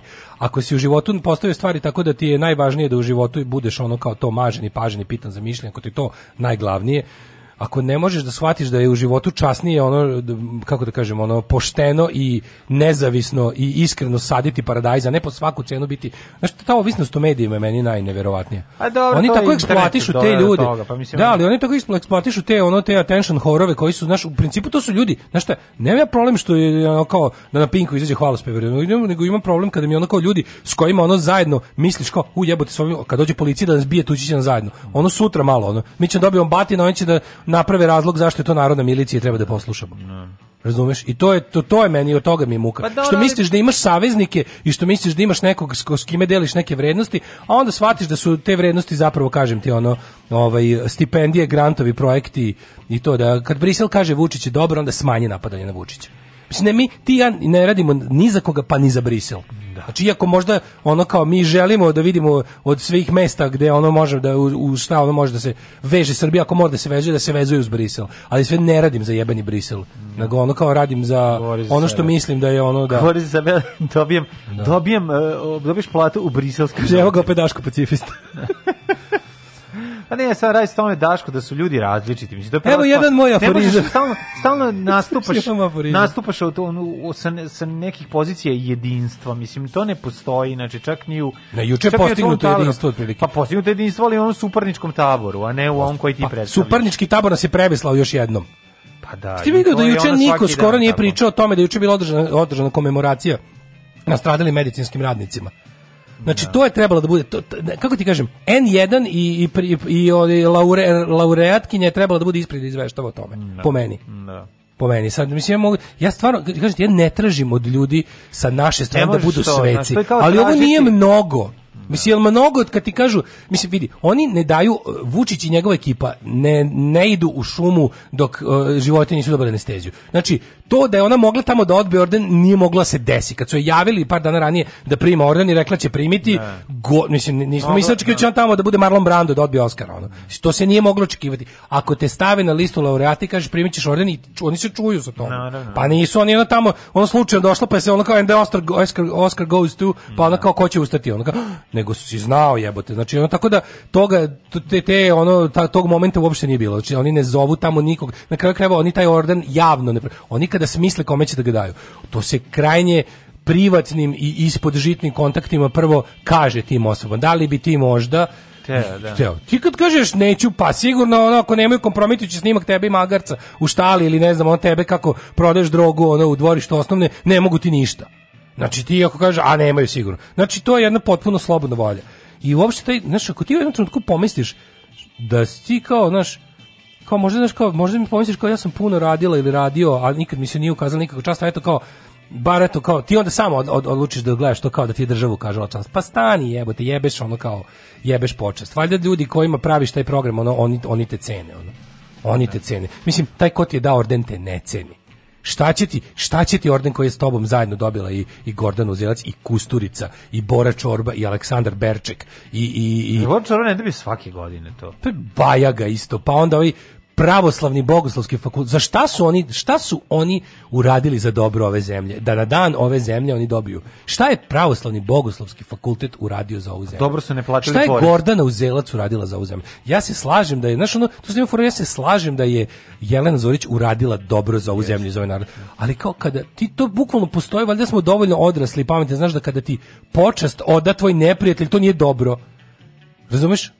A To nije dobro. I to je sad filozofski. Pa, filozof, ali nije ti ono da u principu kao kada Nije to ono kao kada te posle dobre iscrpljujuće bitke neprijatelj iz, iz poštovanja sahrani tvoje vojnike. To nije to, razumeš? Ovo je kao ongoing bitka u kojoj će bukvalno sud, mislim, znaš, ono kao će sutra isto da od, taj čovjek, taj, taj čovek ceo život se bavi gušenjem medija. Ce, to mu je specijal, ako postoji isto što je njegova specijalnost, to je obračunavanje sa slobodno mislećim ljudima i njihovim ono kao uh, outletima u javnosti. Taj ceo jebeni Pa, život guši se u 98. potpunosti. 99.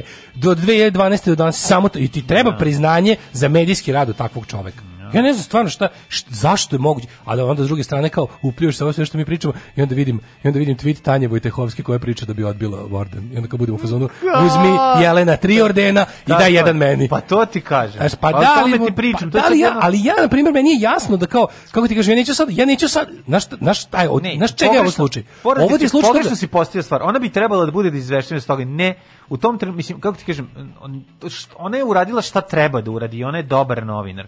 To što je ona prihvatila, to je, znaš, kao ne možemo mi, mi nju idealizovati. Znaš, I to je naš pr- problem. Pogrešno pr- pogrešno shvatamo on njih idealizuje. stvari. Ja- ja sam pa malo smo ja smatram- ja sam ona je tamo ginula, razumeš, Pa na da, ali ja sam mislio da- protiv ovog čoveka, pa ti je malo Pa glupo da. da nakon toga Pa ne, ali ja sam mislio da nju to ne zanima. čoveka. Ja sam mislio kao, kao u fazonu, evo neko koga Kažem zanima da se bavi je- svojim poslom na način na koji to treba da se radi.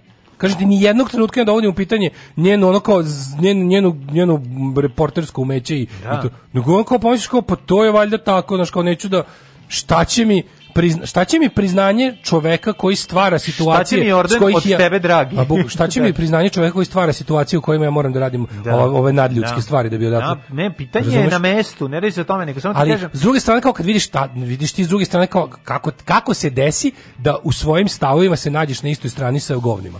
Na primjer, ja mislim to što to je mislim naj- i on, je- pa da li, ali zato se lepo jasno distanciraš, to je valjda lako.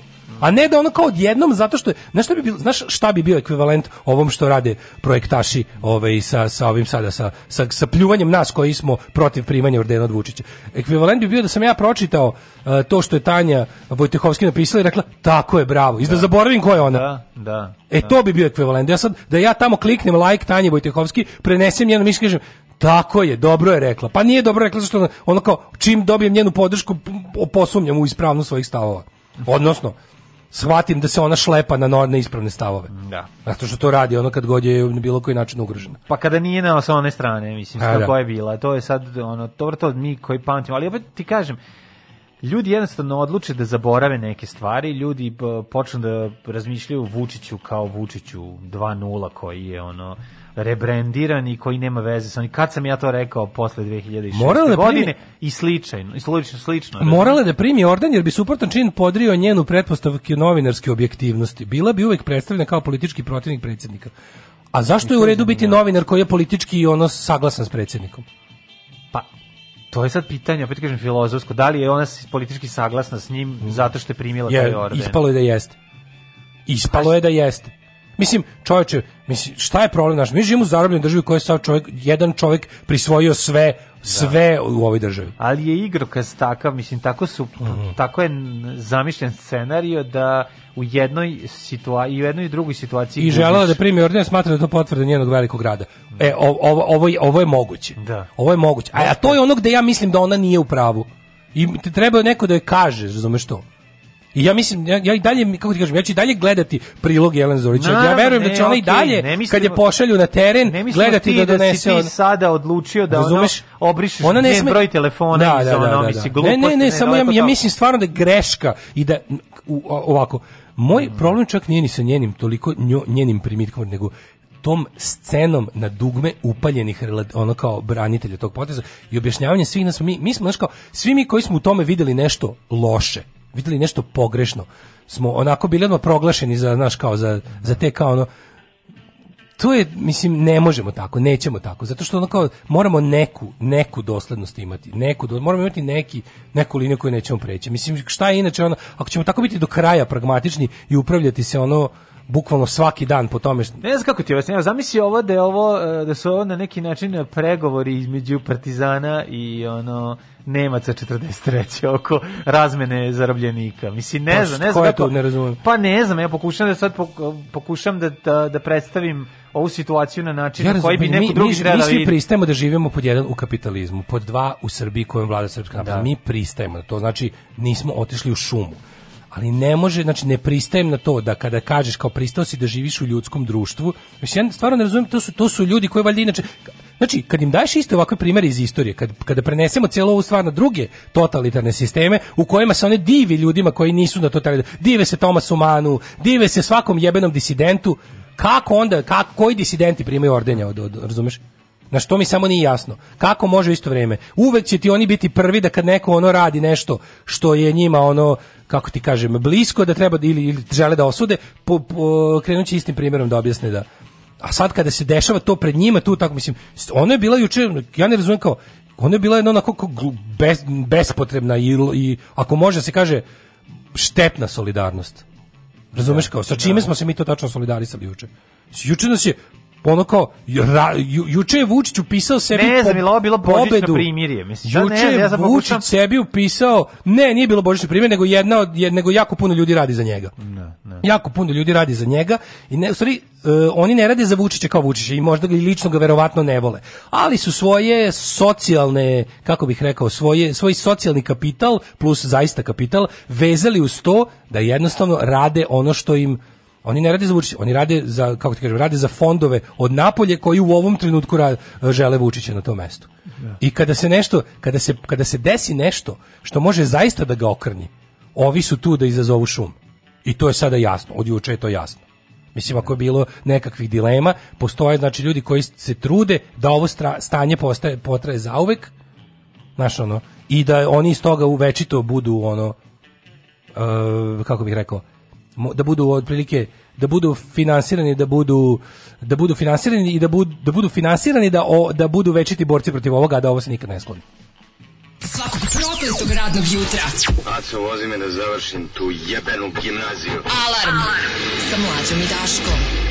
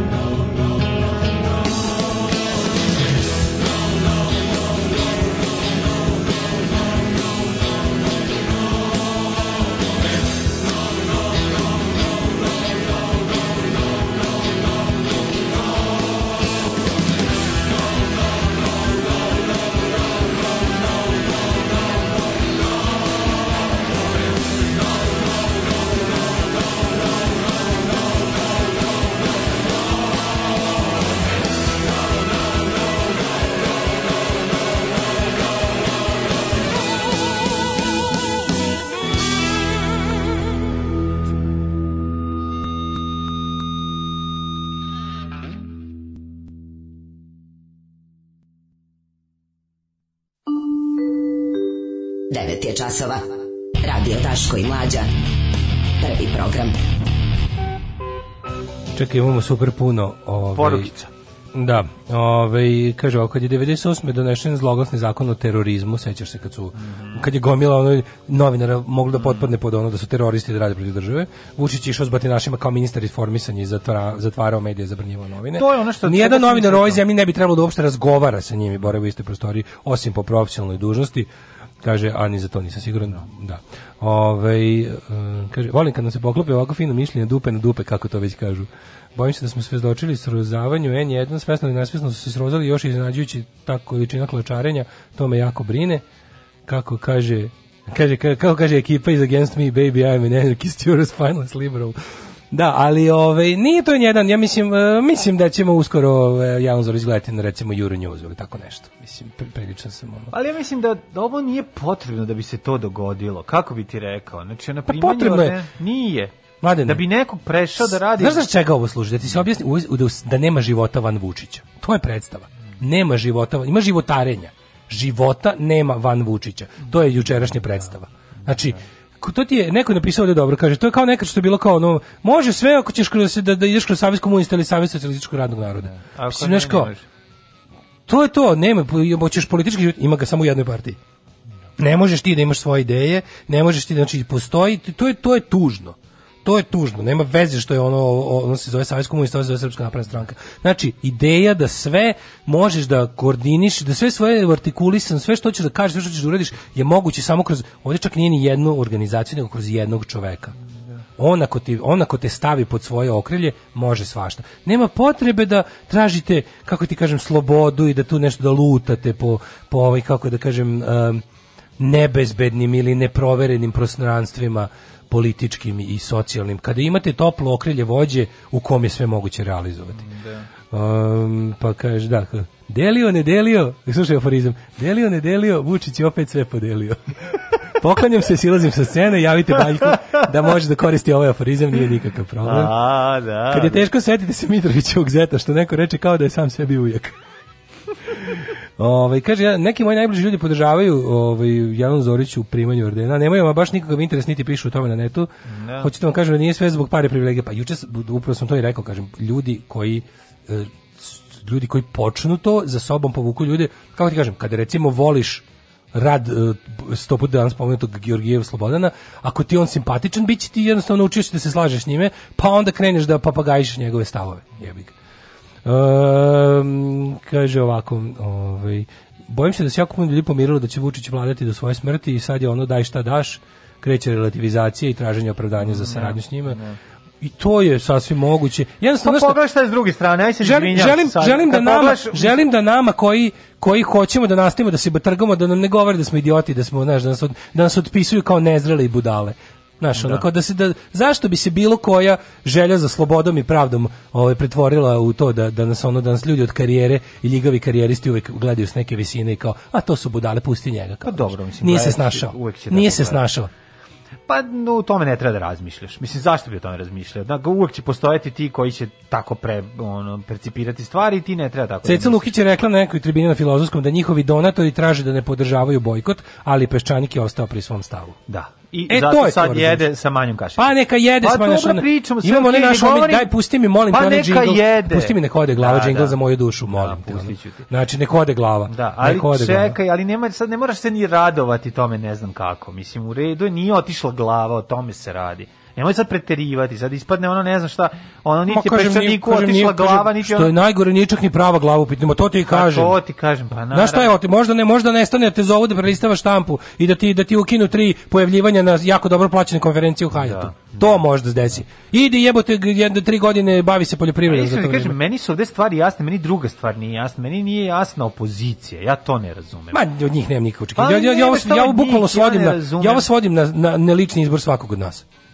Boli me dupe šta ovo misli. čekaj sad, Mislim, boli me dupe šta ovo misli akter iz opozicije. Ne, Stvarno ne, me boli dupe. pa ne me šta misle, nego evo sad ti meni reci, da li ti ako biraš, ako bi trebao da biraš između između uh, Vučića i, i, i ono Vladike Grigorija koga bi odabrao da ti bude predsjednik?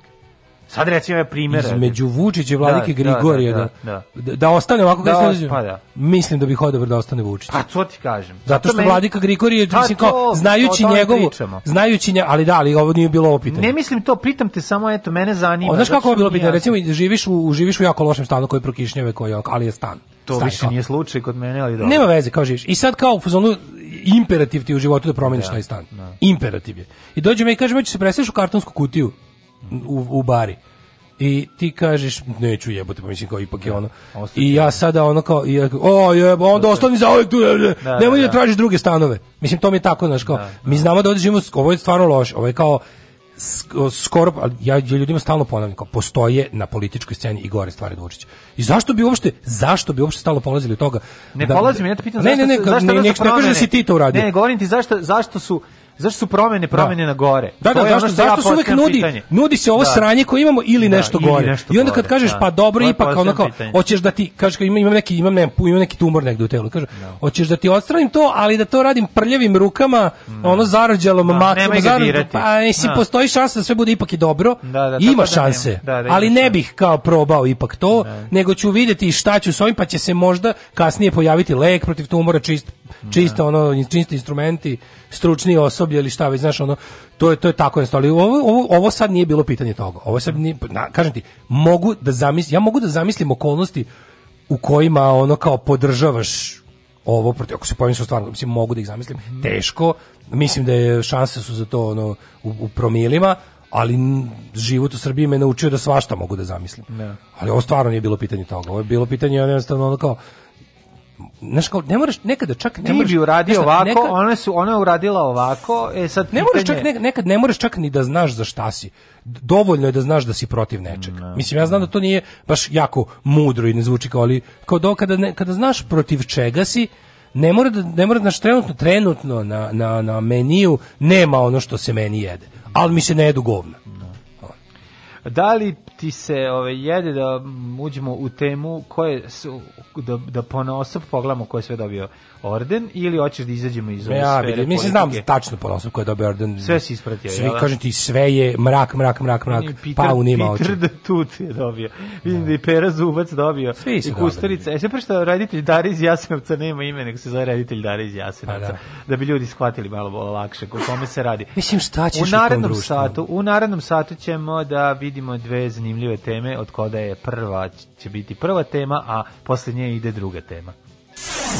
Kako ću ti se usrati u život, kurvo? Alarm svakog radnog jutra od 7 do 10.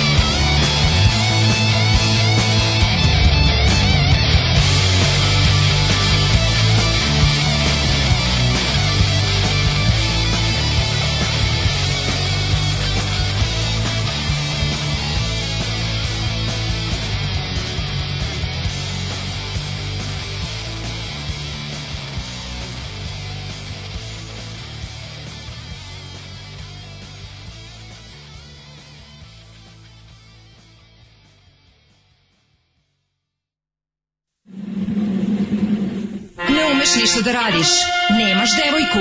Kladionica uvek dobija. Probaj! Fašizam!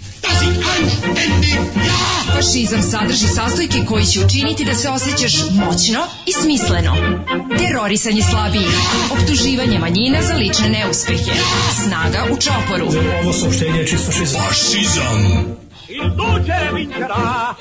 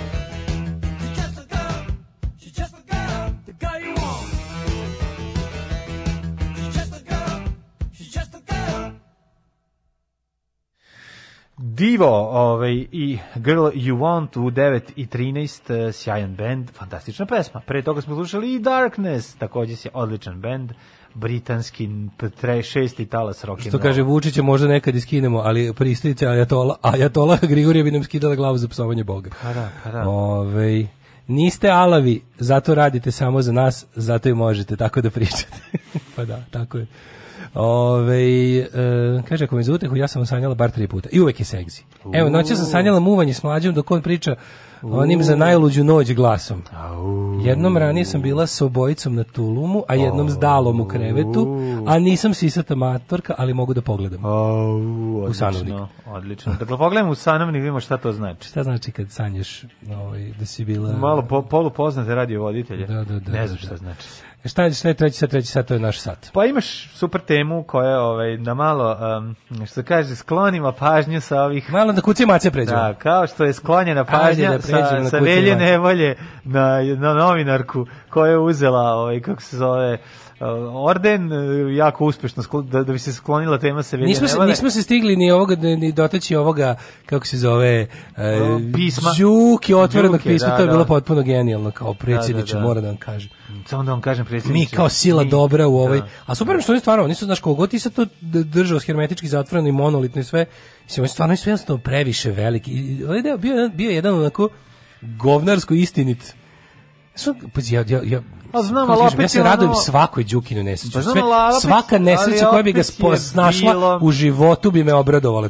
Čovjek Pa prezire znam, ga opet je bilo predsjedniče, Ali- kako ste tako kurati posle da, svega ali toga. je bio onaj mislim. jedan, bio onaj jedan moment koji je bio onako u, čak, pa, čak i u jebenom pismu Vladimira Đukanovića, mislim, baš top 5 ljudi koji najviše mrzim na svetu, ono. ali mislim, i lično imam razloga.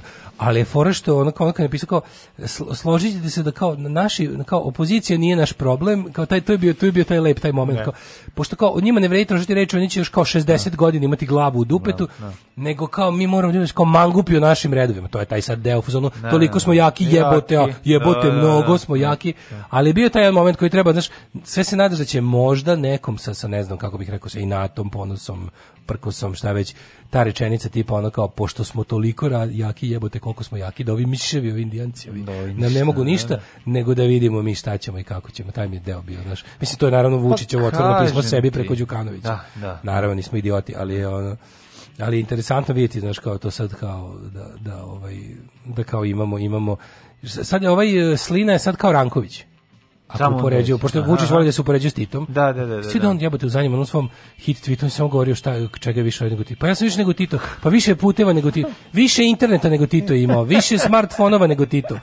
Više, znaš, kao više bukvalno približio je Srbiju Evropskoj uniji više nego Tito. I Da. sve ostalo što je Tito nesposoban ja da nije mogao Nije da mogao, da, da, da. Da, Zbog mi- svoje, ba dobro, nešto lako je pravdati ako je ovaj se. Tito, onda je valjda Slina. pravdati se istorijskom distancom i nemogućnosti Da, da, da, rešiš da, da, jednačinu da. vreme, prostor, pa da to uradiš. Ako je onda mi Slina nekako ispadne. Ranković, ja bih ga sad. Da, Da li je da. ovo 66-a, ne znam. Ne znam, vidjet ćemo. Gde je naš brijonski plenom i ostalo, vidjet ćemo. to. Obrijonski, pošto svi obrijali. Svi su glatki, da. Da, da, svi su glatki. Nego, ovaj, da ti kažem, kad smo kod Đuke. Meda Uroš dao svoju vremensku prognozu, čekaju se lepi Ko je dani. Meda Uroš? Je on Meda zamenio Uroš Božana? zaspao, pa izgleda jeste. Šta je Božan su penziju ili je Bogu na istinu? Pa je Božana bila u... Božana je bila mečka. Mečka, pa sad ćemo da vidimo.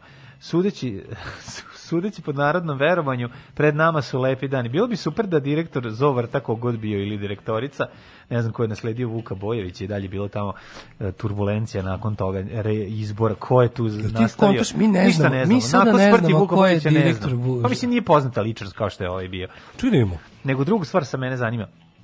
Bio bi fazon da se pojavi u prsluku napravljenog od medvedice Božane u kojem bi pričao kako bi sad meto medvede rašao, medvedice Božane više nema. Sad ćemo da vidimo. Ne znam šta se radi sa medvedom kad premine, da li se sahrani u okviru zoološkog vrta. Direktor je Srboljub Aleksić. Eto, no. Nemamo pojma ko je. Medved, e, kažem, ako naš medved Uroš je jutros izašao iz zimske pećine i uživao u jutarnjem suncu. Po narodnom verovanju, sretenje je dan kada se susreću zima i leto, a po ovaj, ponašanju medveda možemo da predvidimo trajanje zime. Izgleda da su pred nama lepi dani, jer navodno ovaj, kada medved izađe na ovaj dan, znači da je životinja, jel da životinja ima mogućnosti da predoseti i na, vreme, kao što može da predoseti zemlje, te tako može da predoseti i dolazak lepih dana, i, a ne ovaj, zato što u zoološkom, ne znam, ili medved u zoološkom vrtu upada u hibernaciju? Ne. Da, hibernat, pa ne. Ne upada, Pa mislim, upada kad neka stalno- primitivna hibernat, kad je stalno hrana tu. Možda ima prirodno, ne može onda sada da skroz izbegne, ima svoje prirodne, ono kako žali, nema, nema, nema ono neprekidno spavanje od po nekoliko nedelja ili šta ja znam. ono. Nekog dva meseca spava. Pa da, kažem. Da, da, Mislim i u prirodi se to promenilo, znaš, nažalost. Da. Mhm. I znaš da životinje, to su, to su ovi zoolozi rekli da je problem što... uh, problem je, znaš šta su ljudi uradili? Ljudi su to je između ostalog- prirodu. Dobro su ljudi ustali prirodu, nego uh, šta, šta se zapravo desilo? ono kao i razlozi to je bilo jako lepo kod Johna Olivera obično da li si gledao kao zašto smo sada sve zašto su moguće da se dešavaju kako je moguće da kao iako je ne znam naš razvoj toliki i toliki i ne znam nauka toliko i toliko razvijena i brza i sve kako je moguće da nas da nas ovaj da nas trefe pandemija na Pandemija, nemamo da. odgovor zato što smo slon, sklonili distancu između divljeg i, i između civilizacije i divljeg Tako je. sveta to nije normalno Pa da. to ne sme da se radi a to ne samo kao u onim nekim naj onako kako bi se reklo em, onako brutalnim primjerima gluposti tipa ono organi- organizovanje idemo mi sada kod životinja da ih gledamo izbliza što isto po samo sebi idiotski. Mislim da ljudi koji proučavaju taj wildlife bi trebalo da su da odlaze u malim grupama ili sam znaš kao to ne bi trebalo da se u duhu kapitalizma i ono, ono komercijalizacije svega živog pretvara u znaš kao šta ima da ideš u jebenu pećinu slepih miševa onda te može izneti samo zarazu Da. samo preko guana ono može da izneseš samo to to je jedan vid ali zapravo najgore od svega je što smo jednostavno iskrčili prirodno stanište životinja. Pa to je da- najveći problem. To međed Mislim, nema, zato je ovaj međed pojeo- nigde nije dovoljno daleko od ljudi da odspava dva meseca. Da. ti to razumeš? Ostalo je možda ono pet mesta na svetu gde medved može lepo da džonja, ono. Zato što su svugde stigli A i ljudi. ostali su buđena ili su rezervati prirode u To kojima nije su, to, to ne može da, da, nikad biti to. U kojima su životinje, pa ako su ako je prihrana stalna, ako će u toku godine stalno dobijati hranu i neće imati taj i stalno će biti period izobilja, pa će na kraju kraja medved će prekinuti lov. Zato ja odbijam da ovu macu koja je napolje Mislim da za dugoročno No, to za je nju nije dobro. mislim, to je- to je domaća mačka. Pa ona jeste domaća mačka, ali ona je poludivlja. I Pa, ona E, i, Felis Catus imaju fe, feral odeljak. Ali- ovo je odeljak od- One ž- o- nema potrebe, one, o- ovo, je, ovo je domaća životinja, ne veze što neće se mazi. Mislim, neće svinja se mazi, ali Hoće. domaća životinja. Pa mislim, neće. Ono. Gde neće svinja se češka?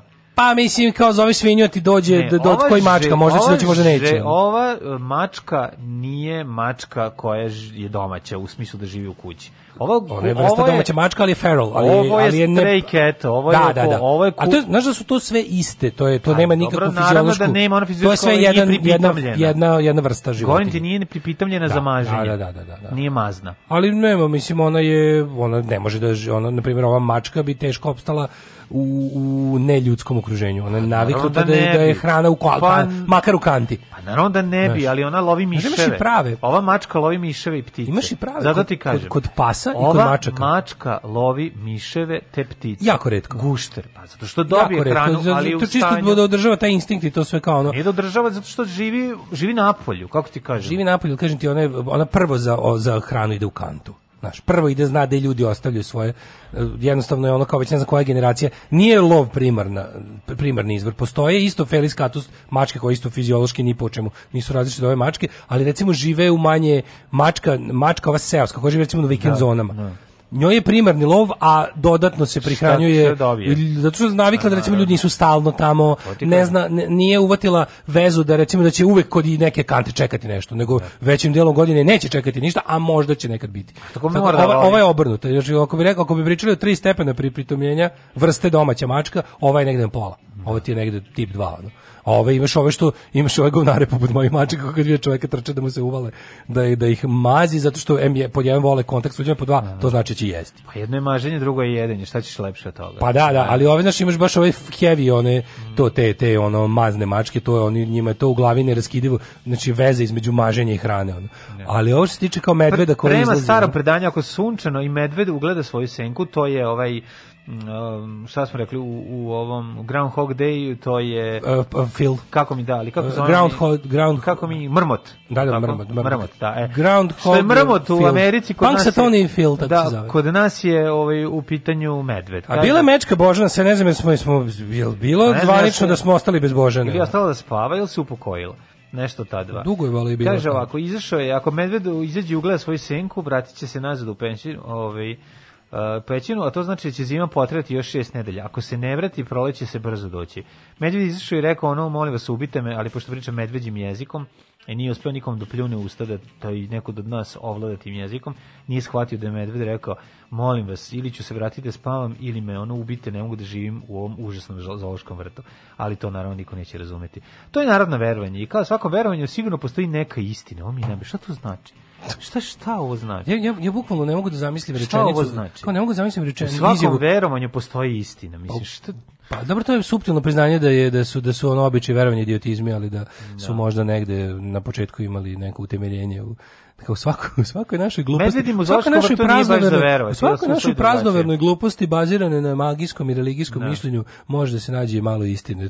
To je onako disclaimer koji uvijek podržavam da se nađe, ali Ove, ja ne znam ko je to smislio i kada. Mislim, to je neka poganština, tako? Pa dobro, da, ali ono kao... Što volim, brate, mili, kad kliknem na neku Wikipedia vrstu, pa kad vidim da je ono conservation status list concern, sve mi bude onako, o, hvala Bogu, bar nečeg Pa, ima. bar mačaka bar ima nečeg ima. Gledam slučajno za fenek lisicu, na nju sam kliknuo, jer sam prvo kliknuo da vidim ko je Ne možeš, direktor kako si slučajno? zoološkog, kako sam došao do nje? Slučajno se ne klikće na fenek lisicu, prijatelji Da. moji. Znači, To je lisica Pante- koja živi u manastiru Fenek. Da. Nego je fore što sam kliknuo na b- Beozo vrt, pa teo da vidim ko je direktor, pa sam saznao, pa sam onda gledao kao spisak vrsta koje imaju, pa sam video Fenek Fox, pa sam teo da... Inače to jeste, mislim, institucija koja treba da se ukine i mi stalno u tome pričamo kako Ali će pazi, biti sretan dan ali kada više životinje budu živjeli u svojim Ti staništima. znaš da smo ti i ja u stalnom, ne- ti, smo ti ja u stalnom ratu Da. protiv zooloških vrtova i da tražimo da to treba da... Pa svako ko ode u zoološki vrt vidi, Ali bude u ratu kad, se, kad izađeš iz njega. Fora mogu ti kažem kao u vreme kada su znači pre samo 30 do 50 godina. Znaš čak i to kao dovođenje taj ti ekstremni primjeri vađenja ono divljeg najdivljeg sveta i dovođenja nje- njega u srce civilizacije kao što je grad, to što je zoološki vrt. Je bilo ono kao još kudi kamo kako ti kažem prihvatljivo. Mislim bilo je grozno za sta- stanovište tih jedinki koji tu pate. Ali ekološki nije bilo ni blizu ovih idiotizama koje danas radimo. Znači ono bukvalno to širenje Šta je neko rekao da je pa ostalo? nisu bili mogućnosti Šta je da ostalo? urade. Jel moguće? Jel A sve dobro? Da li sam ja dobro razumeo? o- Da je ostalo 9% ovaj kišnih šuma u odnosu na početak 20. veka. Jel sam ja to dobro razumeo? Ne znam, to nisam siguran. Ja sam tako čuo od Pa, nekog- mo- u zadnjem što sam gledao nekom nekom reportu naučili da smo mi sada na 9% da je deforestation toliki, Da, da, da. a da je najgore, znači mislim kao Amazonija su pluća planete. Tako je. I da je ta de, da ono dešum, dešumizacija ovaj Južne Amerike stigla do tog brapa. Mislim što je Bolsonaro svinja fašističko radio. Pa taj ono to je, znaš, ono, to, ide, to je ono bukvalno u fazonu kao Čekaj, ako su it's ako je Amazon, economy. ako je Amazon a, Se sušio. ne, ako je Amazon plu, su pluća sveta. Da. Onda mu je Kosovo? ne, Fruška gora mu onda dođe kao stidna regija. Ili pazuh. Sad zavisi jedan. kako je kako se gleda. Mislim ako je ako je planeta čovek. Da. Je planeta čovek, Da. onda je... ovaj, Pluća su, ovaj, čačak su Amazon. čačak i, i, i Bukureš su mu bradavice. Reke. Reke. Večita opasnost. Naša deca dave se u njima. Plave se naši domovi i vekovna ognjišta. I vekovna ognjišta. Za sve reke u cevima. Mini hidroelektrane napredne Srbije.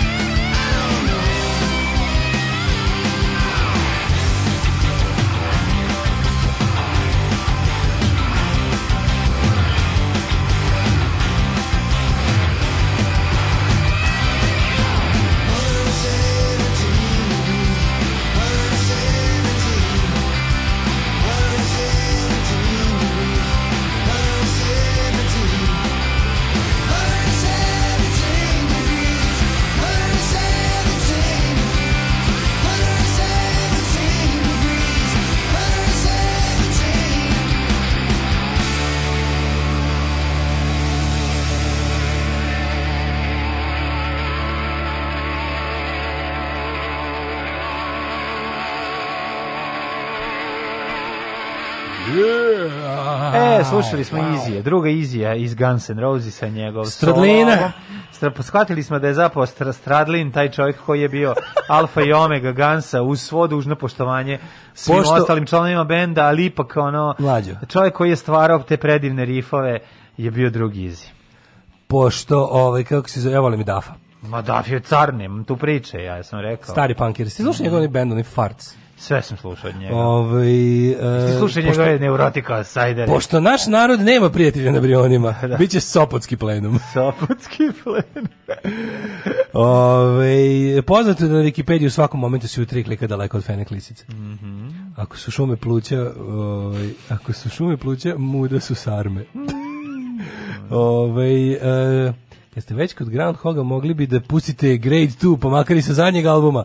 Lepo ste mi rekli da odlučujemo kad će se vlast promeniti ovoj zemlji, nas jebe ovako jadne. Samo gigovi da krenu, postaje neizdrživo, slažem se, lockdown streamovi su besmisleni, kaže Đole iz Šapca. Đole, šta kažeš na ovaj na Boy band, ti kao ljubitelj žanra, šta? Ovaj čuli smo jednu pesmu, moramo ga migi, moramo da nabavimo Juice Pa kontakt. čekaj, pogledamo sve ostalo šta je, možda je samo ovo jedna. Moramo da nabavimo Juice, ovaj Juiceov kontakt za Migita da, da se oni ispričaju.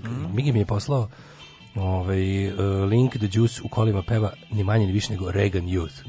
Mislim, Reagan Youth sluša pet ljudi u ovoj zemlji. ono. Boga mi četiri. Stvarno, ono, da, sa, Plus sa, sa Juiceom. sa Juiceom, da, da. Ovaj, šta ćemo sada do, do, do, Pa do znam, kraja moramo- lepo? Moramo postaviti pitanje, jedno pitanje koje meni svako Slobodno. jutro kad ustanem i znači mislim vidi.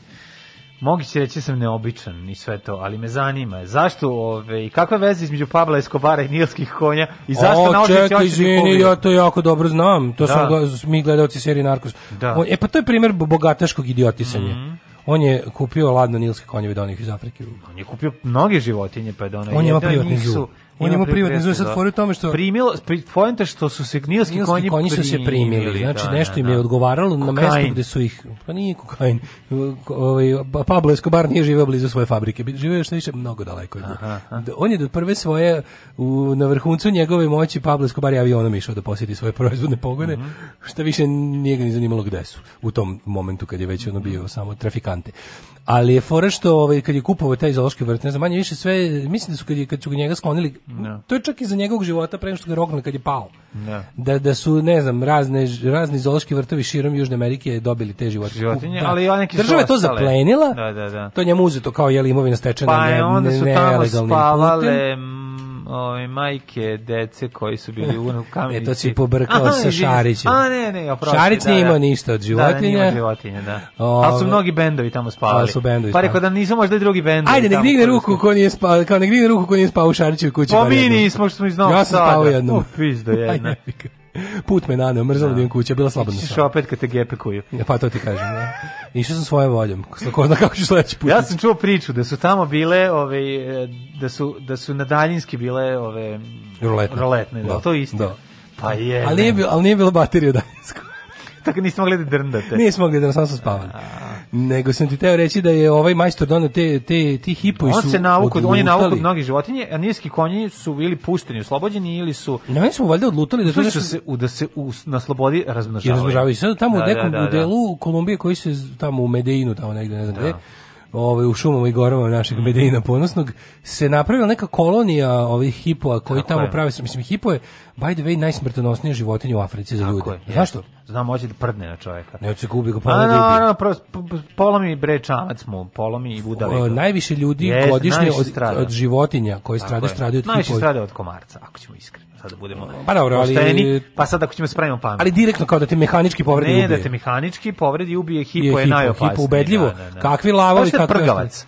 Ne, nego što je fora što ljudi, ljudi... Jeste, prga Prgave, životinja. Da, prgave životinje. Prgava Jako je be- životinja, t- da, da. Da, besne narevi. Ono. Kaže, nikad ne smeš da se nađeš između hipa i njegovih testisa. Šalim se, između hipa I njegovog plena. I, i njegovog puta do vode. I njegovog puta Ako do mu vode, dođeš da, ispred da, nje, da, on, da. on, on se osjeća najsigurnije kad je u vodi. Da, da, da. A u vodi je isto bre, to kaže napada ljudi u vodi, prevrće čamce. Kako ne prevrće čamce, napada pecaroše. Da, ljudi koji, da, da. Taj, ovaj, našao sam inače, e, ima ljudi, moram da podelim s celim razredom, neka dobra duša je na X Hamster uploadovala i Novosadski pecar 6X Majstor. Divno, hvala puno. Tako da molim vas, uh, zahvalit ćete mi se kasnije. Ilegalno I da vam kažem, nemojte gledati. Ilegalno prebačeni u Kolumbiju 80-ih i organizaciju ozloglašenog narkobosa Pablo Escobara, ove životinje razmnožile su se i postale ekološka glavobolja, tvrde naučnici. Nova studija pokazala je da je njihov odstrel jedini način da se izbegne veća šteta. Prave haos, sad ćemo reći šta, posle ćemo pričati o drugim divnim životinjama koje se mogu videti po da ove, prostranstvima, pa ove, tamo gde ne pripadaju, kako bih rekao, Ne, geografski, a našla su se tu iz nekog razloga. Pablo Escobar je ime koje je Kolumbija bla bla bla, jedan od najznačajnijih kriminalaca, svi znamo ko je Escobar, gledali smo hiljadu puta. Ne bi trebalo kaže da ih ubijaju. Ako postoji bilo koji način da ih ulove, Ekološka, i šta kad ih ulove, šta će Neki s ih njima? nose u Afriku. Kaže ovako, grupa nilijskih konja koja je Escobar previše od decenije probitno uvezao za svoj privatni zoološki vrt i koja se razmnožila, sada se širi preko jednog od glavnih vodenih puteva preko reke Magdalene, znači čuvene ove, na reci Magdaleni. Pazi, koji je objavio časopis stvarno. biološka konverzacija za nešto januara, tvrdi da odstreli životinje jedini način su uloži uticaj na životnu sredinu. A naučnici su dužni da budemo, moramo budemo iskreni. genijalno na mapi sveta. gde Invazivna žive- vrsta u Kolumbiji, ako ne umiju ovaj, deo njihove populacije sada, je situacija mogla da se otrne kontroli za samo 10 ili 20 godina. Da, ali pazi ovu genijalnost, sad gledam mapu sveta gde žive hipopotamsi, sve je Afrika i samo jedna tačka u Južnoj Americi, zelena. Ali gledaj sad ovo, inače ne bi trebalo, sad gledam njihov conservation status je uh, vulnerable. Mhm. I to je znači bez ve, mislim to je tre- oni spadaju u tu kao threatened kategoriju što je ovaj Između 80 i 120 primjeraka, ne mogu, ne mogu da ih Ove, znaš zašto ne mogu da ih izbroje? Zato što jedan se potopi i izađe drugi. ne znaš da li isti ili to Naravno drugi. su bezobrazni. Ne, da. mislim to je teško kao izbrojati hipopotamusa. Tako je, to je najveći krvoniski konje stvarno izvan mlađe. Afrike, koje je njihovo prirodno okruženje. Znaš kako jezivo gledam mapu, interaktivnu mapu gde je kao crvenom bojama na Africi prikazano gde su Kaže, živeli istorijski, 2000 a zelenom gde su trenutno. Do Tačke 2034. ostale. 1400 primjeraka će biti. Aha, kaže, Ja ne ovaj, znam da, se- mislim, jel oni tam, mislim, fora sa životinjama je što Nemaju, oni- ne, za problem- razliku od ljudi one, je tamo što nemaju prirodnih neprijatelja. Oni, da. ne, oni tamo nemaju prirodnih neprijatelja. Pa što njihov verujem- broj što ne može da se kontroliše. Nema lavova, nema to. Ne, kao što verujem da svaki čovjek treba da živi bilo Krokodila. gde želi na planeti Zemlji, isto tako nauka kaže da nije dobro da svaka životinja živi bilo gde na planeti Zemlji. Da postoje krhki ekosistemi koje jedno za koje jednostavno mislim kao priroda je to izbalansirala i ljudsko šetanje životinjskih vrsta, a to glupo kolekcionarstvo egzotičnih životinja Ma to- i ti, to, to, početi to su da, da, posebni da. kretenizmi i zato bi ja jednostavno još grđe sankcionisao. Domaće vrste i da uni- uništavaju A ekosistem. znaš šta se desi kada, znaš koliko Australija vodi računa da, da slučajno ne uđe? Nije ono goluba jebote su teli da roknu onog. Na kraju su ga spasli tako što su javili da on nije stigao iz Teksasa, nego da, je bio golub iz Melbourna koji odlete u Sidney. Ili tako nešto. Ali uglavnom nije bio jadan, ono neko uspio da dokaže jednom trenutku. Svi su kao bili u kao siroma proleteo, kao, mislim, ne, mislim, ne mogu preleti Pacifik realno, mislim, golub. Pa jedino ko će odmoriti na nekom brodu. Na nekom brodu, da. Pa ne. Ali, ovaj, nego, nego mi je ono kao...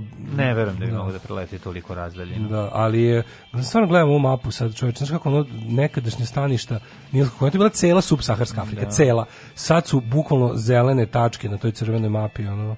Ne, ne, ne, nemamo luksuz da, da, da izgubimo 120. Kad smo kod egzotičnih životinja koje se otrgnu kontroli pa žive, do, do, mogle se 80-ih su viđeni crni panteri po Velikoj Britaniji. Ja hoću, pa, to je bilo da, zato što- politička grupa, zato što- ovo- ne, nego zašto su bili otpo ovaj leopardi, postoje ovaj Bogataši ih držali. Bogataši su ih držali kao male, onda kad bi videli ovaj u šta Da su se pretvorili, onda bi ih ono pustili ili bi pobegli, otrgli se. Tako da je bilo tih slučajeva a, bilo je na National Geographic jedna emisija koja se bavila samo tim ovaj, slučajevima na osnovu fotografije. Bukvalno ljudi usred ono neke ono beseksa, saseksa u Engleskoj, ono velika crna mačka prelazi put i to ne velika crna Da, da, da, mačka, da, da, da. ono domaća životinja, nego panter. Da. Tako da ove, bilo je tih slučajeva i to do duše to su pojedini slučajevi, ali se dešavalo.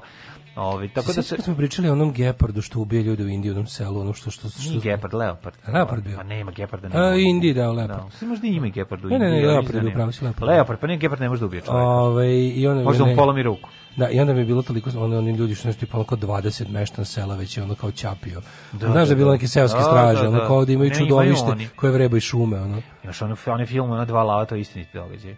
To je Mike sa, sa, sa ovim, uh, kako se zove, um, Michael Douglasom, ako se, ako se sećaš filma. Mm, koji je to? A, film iz 93. recimo četvrte u Africi A, dva grade što- prugu i dva da, da, lava su bili lavovi zaisti su bili radnike. ljudožeri i jeli su i radnike. Da, da, da. I to nije bilo zezanje, no uđe unutra u tu njegovu sojenicu i izvuče ga napolje u toku noći. stvarno, ne, znaš, Jeziv slučaj to. Koliko treba, znači ono ta ta ono Znaš šta je ljudska pohlepa, znaš kako kad ti bogataši pređu u neki ono mod, kao tipa ono, uvatio sam Boga za jaja, ono. Da. Kao, sad mi treba ovdje, to je tako, mislim, A šta će, mislim, A to, su- je, a to, znaš, a to je uvijek to vezano, ide za... vezano uz te krimose, tako ono, Pa koji zato su ono, što ono, ide da vidiš šta ja smem. Pa to je zlatna WC šolja, samo životinje. Da, to je, e, baš da, to. da, da.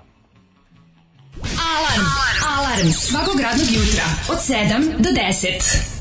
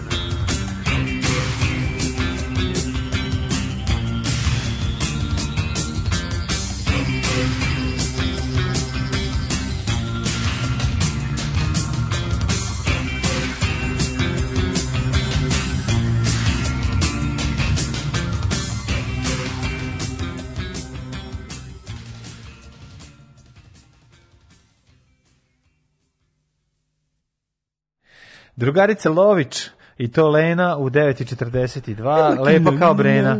Lena Lović. Mhm. E, kiš, kako zove ta nova Đusova pesma? Ja mislim nešto loše društvo ili tako nešto. Mislim tako nešto.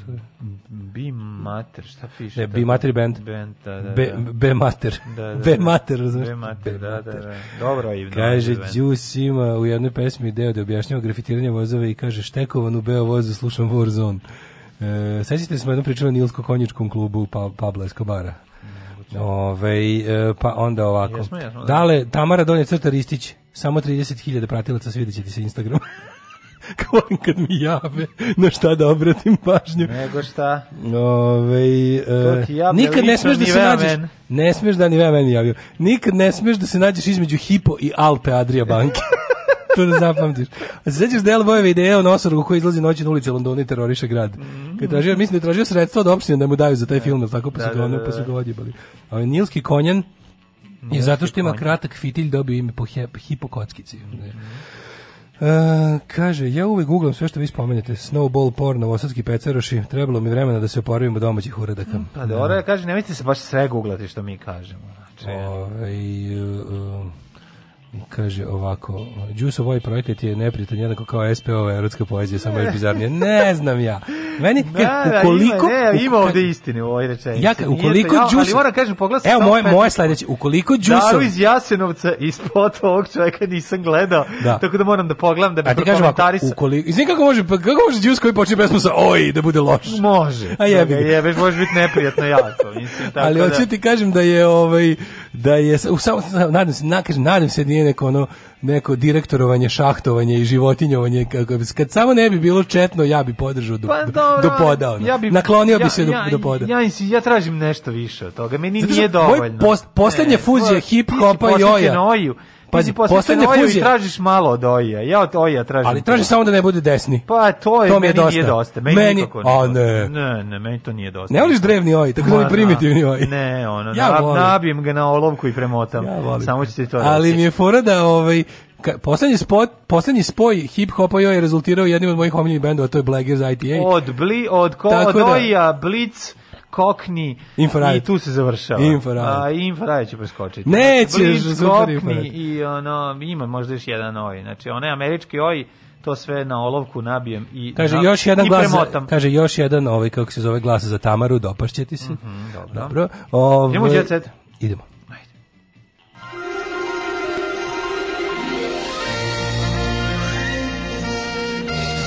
Jet set. Jet set. Jet set. Set. Set. Da li uhapšen Au. Buba Koreli, reper se tereti za izazivanje opšte opasnosti. Taj je bio u zatvoru dve godine. No, stvarno već bio? Da, on je bio, on je, on je kriv. Nošenje autotuna, oružje i nanošenje teških teleskih Da, povreda da, da, autotuna. oružje za masovno zaglupljivanje. Ja ću da nima, nima, Nisam kriv, šta je? Da. Sve što, sve što kažete kroz autotune bit će korišćeno protiv vas. Znaš, Da, kad su ga da, hapsili, to da, su mu da, rekli. da, da. Everything you say through autotune will be used against you in the court of law. Aj, ja. O, kako je čudno u Jet Set bez novina, jebem ti, izgleda se ovo. Sad, a sve, znaš šta je problem? Ja sad nemam pojma uh, kada, kada gledaš online izdanje mlađu, ja nemam pojma o čemu se radi, moram na sve da kliknem. Mhm. Jer u zabava, internetskom izdanju Blitz zabava je potpuni mamiklik.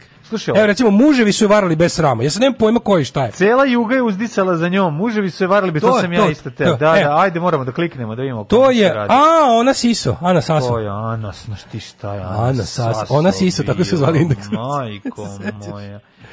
Ana Saso ona uopšte je nije bila Siso. Samo bila što je u prelepa. Jugoslaviji Pa lepa, lepa, ali nije bila nemoj Siso. da- lepa Kao što su indeksovci zvali, to ću kažem. Odakle si lepa Splićanko, iz E, Splita bila je predmet požude mnogih muškaraca bivše Juge. Za ljubav imala sreća, Ana 82. je podala titulu na... U a, leksikonu ju mitologije piše je među na, je po rubrici na njih se drkalo. Da, da, da. Drkačke zvezde moje mladosti. To je se preterana rubrika, preterana. Tako se zvala da, odrednica. Ovaj da, tu su bile Savina Geršak, Ana Saso, Suzana Mančić. Savina, majko. Savina Geršak je mama. Savina je ona naj pa onda. Savina Geršak je najbolja riba SFRJ. Pa verovatno jedna. I Ena Ne, Begović. Ena Begović je najbolja. Ena Begović, da. Je najbolja, tim naj... Ena Begović ima i tu dimenziju, to ono, hoćete u čizmama. A, Da, da, da, a, da. a, a šuti moj dječače plavi, to je Savina Geršak. No da, to ne znaš ništa što da kažeš. Drkačke Bila je predmet eh, požude mnogih muškaraca, bivše juge, ali ali stvarno ipak- potpis fotke, znači kolaž izbi... Na da. njih se drkalo. Pa na njih se to je drkalo najbolji najbolje. potpis fotke ikada. Jeste, Radila je jeste. kao manekenka širom sveta na ovim prostorima dalje pamte po reklami za... Najbolje u knjizi je kad piše ispod fotografije Božidarke Frajt, piše drkanje na Božidarku Frajt je bilo ekvivalentno drkati na najbolju prijateljicu svoje mame. Da. Znači tako te neke potpune bolesti, Da, da, da, da. preduhovito i super je napisano. Kogod nema, ukradite ili kupite leksikonju mitologije, jako je smešno. Kaže, bila je u braku sa kraljem splitskog no- noćnog života, Mhm. Nenadom Bareom Teklićem. Vozio je prvi Porsche u Splitu. Pa ne, Zamislite, u, kako je dobro socijalistički playboy. Da, da, da, znači, da. bio je Šemis Doris Dragović i za 30 godina otvorio je desetak kafića. Poginuo je pre par godina. Bila je u braku sa Igorom Franceskijem, Mhm. ribar i pravnik. Besramno je varao i šetao mlade devojke po centru Splita. Ostavila ga je dve godine posle da je uhapšen je sa njegovom Kaže, u njegovom stanu su se devojke iz jedne organizovane grupe Prošli, prostituta. prošli su pušku u njegovom pištolju, šta? Da, ono? vidi ono sasu što je dobro. Ona sasu je prelepo bila, pa sad. Pisalo se da je potom bilo vezi s lekarom, pekar, lekar, apotekar, nije nikad. Ne, kaže, Malo liči na onu mačkicu na koju smo se mi ložili iz ovog filma Steve, sa Stevenom Seagalom. To ono što sam je ja vidio. Mm, ranije. Kelly LeBro- Da, malo je Kelly LeBroka stali. Mhm. Mislim, vrlo malo. Ali ima ime na neki. E, Koja je bila? Ona je bila Miss... E, plastična žena 82.. plakala. Ona je 1982. Plastična žena plakala. Zašto, zašto? Te mogu ove žene nađu normalnu sliku. Oni baš zabavaju. mogu, nije ne zabavaju, Pogledaj. nego ona je Ti gledaš Blic isto. Ne, ja gledam kurir. Znači, oni baš, baš je bez veze kad ovako frizuju ove screenshotove da izgleda što, što, što odvratnije. No, dobro, mislim, šta će... Jebote, kako ovako ne mogu da naprave ni jednu fotku, ja se njih jako bojim. Da, da, da. Ona nije mogla da. sakrije emocije dok je slušala ispred porodice koja je imala velikih problema. Mhm. E, pa, joj, Rasplakala se. Rasplakala se, znači, Da, ubacili i su softver to se to zove, pa da, to su oni ftalati u plastici, hoće da, Da, se... da, da, da, kaže ovako. Dara sinu, p, Dara sinu privatnu školu plaća 5000 evra.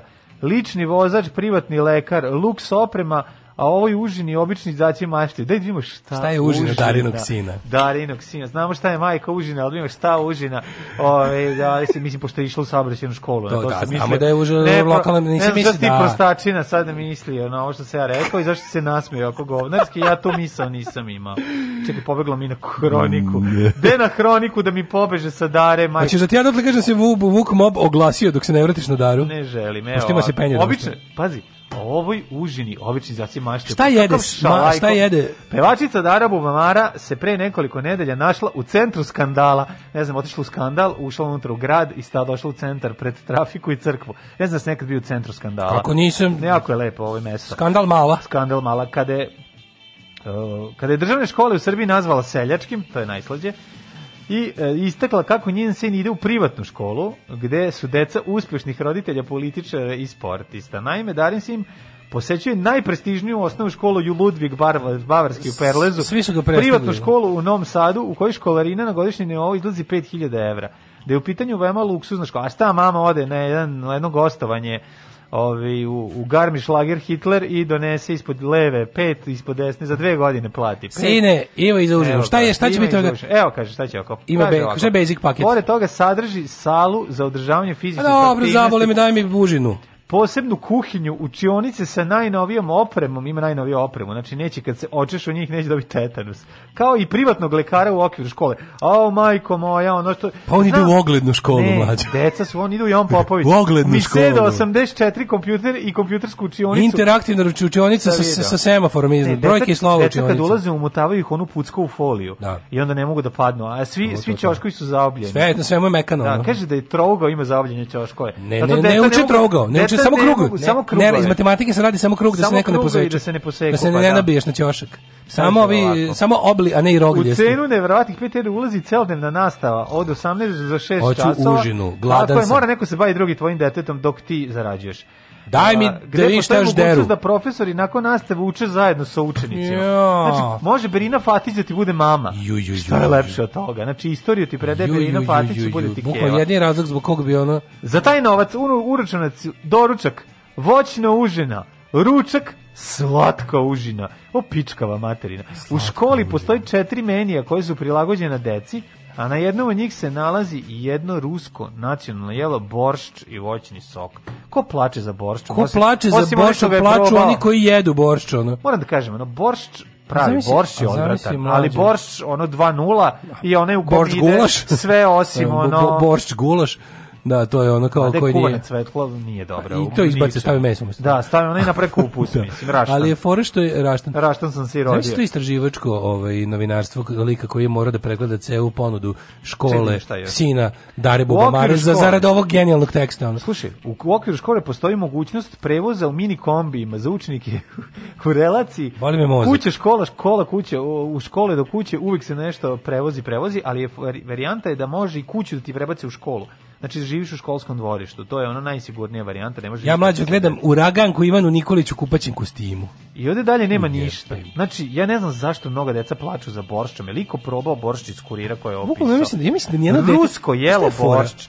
Zajebi ovo me boršč. Deca uopšte ne žele. Ništa od ovog što Znači dete koje kreće u školu boli ga dupe za sve ovo. To žele debilni roditelji. Da. Znači bukvalno jedno dete da vidi kao sad, uopšte ne bi bilo jasno what's, what's all the fuss. Razumeš? šta da Pa ne bi ti bilo Ali ako kreneš, ako ti, da stalno vidiš- to šta? A ne, hoću ti kažem, ti da pokažeš sad deci iz osnovne škole, tu školu bili bi kao pa okej, kao ne bi se neko da će da pređeš ovu školu. Ne, pre bi ostao s drugarima, ovo je moje ono. Da. Znaš, ovo je kao kocka stoji. Mislim ja kapiram da to to je bukvalno samo roditeljska ono zavist. To, to žele roditelji za svoje decu. Da, da, da. E pa to bi bio utorak. Da, ja mislim da je to, to samo da kažem, dečko Megan Fox nosi njenu krv na privesku. A ja gledam uraganku moment. kostimu, aj zdravo. Da, ajde. Tekst čitali Mladin Urdarević i Daško Milinović. Ton majstor Richard Merc. Realizacija Slavko Tatić. Urednik programa za mlade Donka Špiček. Alarms svakog radnog jutra od 7 do 10.